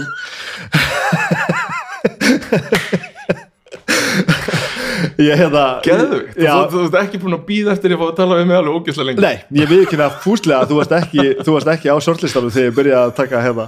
En þetta, þetta var frábær hugmynd sko. Og fólki sem ég búið að tala við hinga til hefur ekki alltaf verið á shortlistunum hefur, hefur oft komið svona upp. En ég viðkenni það, þar sem þú varst með græjuna mínar Já. til að fara að taka viðtal fyrir þáttu þinn þá ákvæði það að það væri ég geti skorið sjálf með á snurinu því núna er mánudagur sko og þetta fyrir út á fimmtudag sko. Fimmtudag, já. þannig að við erum ekkert ég, ég, ég, hérna, ég er ekkert þannig að, já, þannig að þú ert sagt að fara að halda frá með þetta konsept með, með okkur. Já, með Það- ykkur. Og ég er ógislega þakkláttur og glæður ég, hérna, langar að gera þetta. Mér langar að gera podcast í svolítið tíma meðan ég er að gera kokkaflæki þegar mér langar að gera podcast. Já, og mér finnst vantar svolítið eitthvað svona einmitt, þetta að tala við fólk í tengslu mat. Já, og einhver matapodcast á Íslanda, þetta er fullt af útlenskum en mér langar ekki, þú veist, ég nenni ekki samt að vera eitthvað, hérna, geða mér uppskutina af bestu pönnukukunuðinum nei, nei, nei, nei. Hva, já, bara, hvað ætlar að gera? ég ætla bara að tala við fólk sem að einhvern veginn tengist mat eða drikk og er þetta viðtalsáttur? þetta, sáttur, Já. þetta er basically bara ég er að stæla þig sko, ok, þannig ég er svo ég, ég, ég er ekki svona feika þessar spurningar. Ég, þú er bara búin að tala við bróðum minn og ég veit ég alveg ekkert hvað það var að gera. Nei, og það er það sem ég ætla að gera. Og ég ætla bara að vera, vera bara ég og ég ætla bara að hitta eitthvað fólk og, og tala við það um, um þeirra ástriðu sem er vonandi matur sko. já, og ég er búin að læna upp já, shortlist tíu þáttum, við ætlum að prófa að gera eitt sísón í tíu þættir. Og hérna já, og ef einhvern enn er hlusta á þetta og ef að mér finnst þetta skemmtilegt þá er bara, höldum við bara fram sko, af því ég, þú veist ég, ég er búin að taka eitt vindal mér finnst það ógislega gaman. Og mér finnst þessi hérna, podcast heimur svo áhugaverður af því að hann hefur ekki tímamörk. Já, þannig að þú getur bara og, og heldur engar reglur almennar nei. Þú veist ekki bæði gert viðtal og svo er ég með þetta lænað upp sem eru konsept, þar sem ég þarf að tala við þrjá fjóra sem eru svona og útastáttur en veist, fyrst þarf ég bara að læra að gera það. Ég er búin að læra græðunar þessar græður já, fína græður sko. Þetta er létti álíkuð góð græður sko. Það var bara, og kosturinn að taka þær- taka það með sér sem, sem maður vil sko. En svo þegar ég fór að pæla í þessu sko og ég fór að hlusta á podcast og hlusta og hlusta og hlusta og þá var ég svo ógislega ánæg með það sem þeir eru að gera af því að það samda svo geðið vel. Já, og það skiptir svo miklu máli. Ko- ok, hérna contentið skiptir máli. Já, en svo þarf þetta að nenn að hlusta á þetta líka Það er málið, bara, sko. þetta er allt svo hérna, þess vegna hafði ég samband við Baldur og spurði hvort ég mætti vera með sko. já, já, já, já, og, og það, þetta lögðu alveg upp með það og við vitum það, við erum bara hlusta á hlaður bara í, í bara ár og, og bara en, en, endarust lengi og bara þú ert svolítið ljótt fljótur að hætta en enn að hlusta þetta, bara, ef þetta er ekki almennilegt það ískra einhvern veginn eirun að vera þá bara skellir sko. En þá líka komum við að því sem að mér finnst svo lang skemmtilegt saman til hlaðarpið það er hvernig fólk hlustar sko. Já. hver einasti hlustandi sko, hlustar að því hann villa Já. og það er mynd þetta, innihaldið hvernig það samdar, hvernig allt er, hvað átt að gera Já. Að hver hlustun er svo stór sko. og bara, þú Já, ert þú lendir ekki bara á þessi bílnum Nei, þú ert hérna að þú vilt vera hérna, og það er, og þess vegna er feedbacki svona ofbóðslega stert sko. Þannig að þetta er gaman sko. Þannig að ég er ógislega spenntur að byrja þessu. Ég, við ætlum vonandi bara að ná að þetta fyrsta þátt út í byrjun seft sko. Ég byrjum seft, Já. mér líður ekki eins og ég sé eigandi að fyrirtækinu sem er að gera það. Já, ok, geðvegt það er einhverju badnegnir hann sem kannski hérna, Já, varstu búin að eitthvað að ræða þetta við litla bróðum, hvernig það er að gera? Hann er að fara að eignast. þess vegna er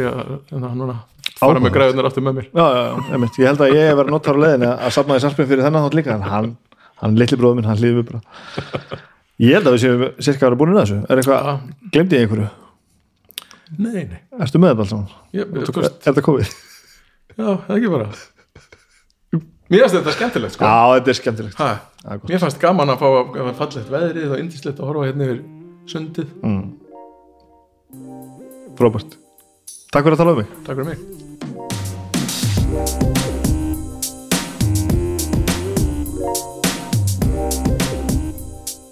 Ég held að sé ekki miklu við þetta bata. Þetta var, var, var Ólafur framreiðslumeistari. Um, ég held að ég þurfa að gera það sem hann var að, var að, var að segja í vittalinu Baldur, hefur þú farið einn út að borða það?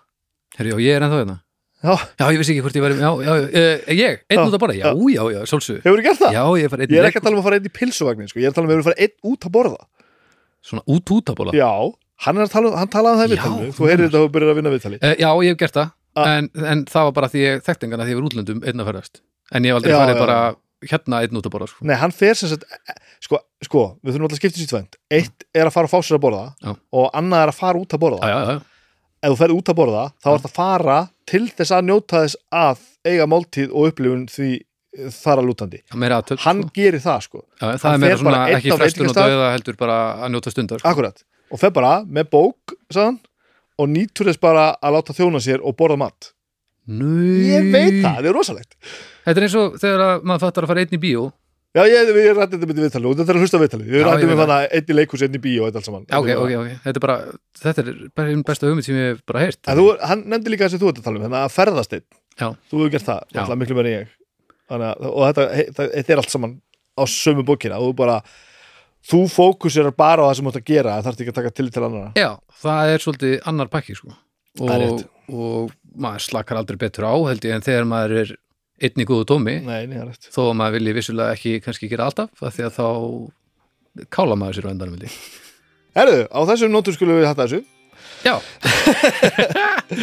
Hérna, ég ætla að fara til vinnuna. Uh, mun að hlusta á Dómstak síðan á mándaginn 100, Dómstagur 100, Tyrkjaráni uh, drauga fortíðar í gær. Jöp. og svo er Elin Helena besta platan á morgun nummer 50, besta platan nummer 50 algjörlega. Og svo siglum við inn í haustið og badnegnir og, og fræð og ríkidæmi. Þetta er allt saman gott, Mjög gott. Takk fyrir í dag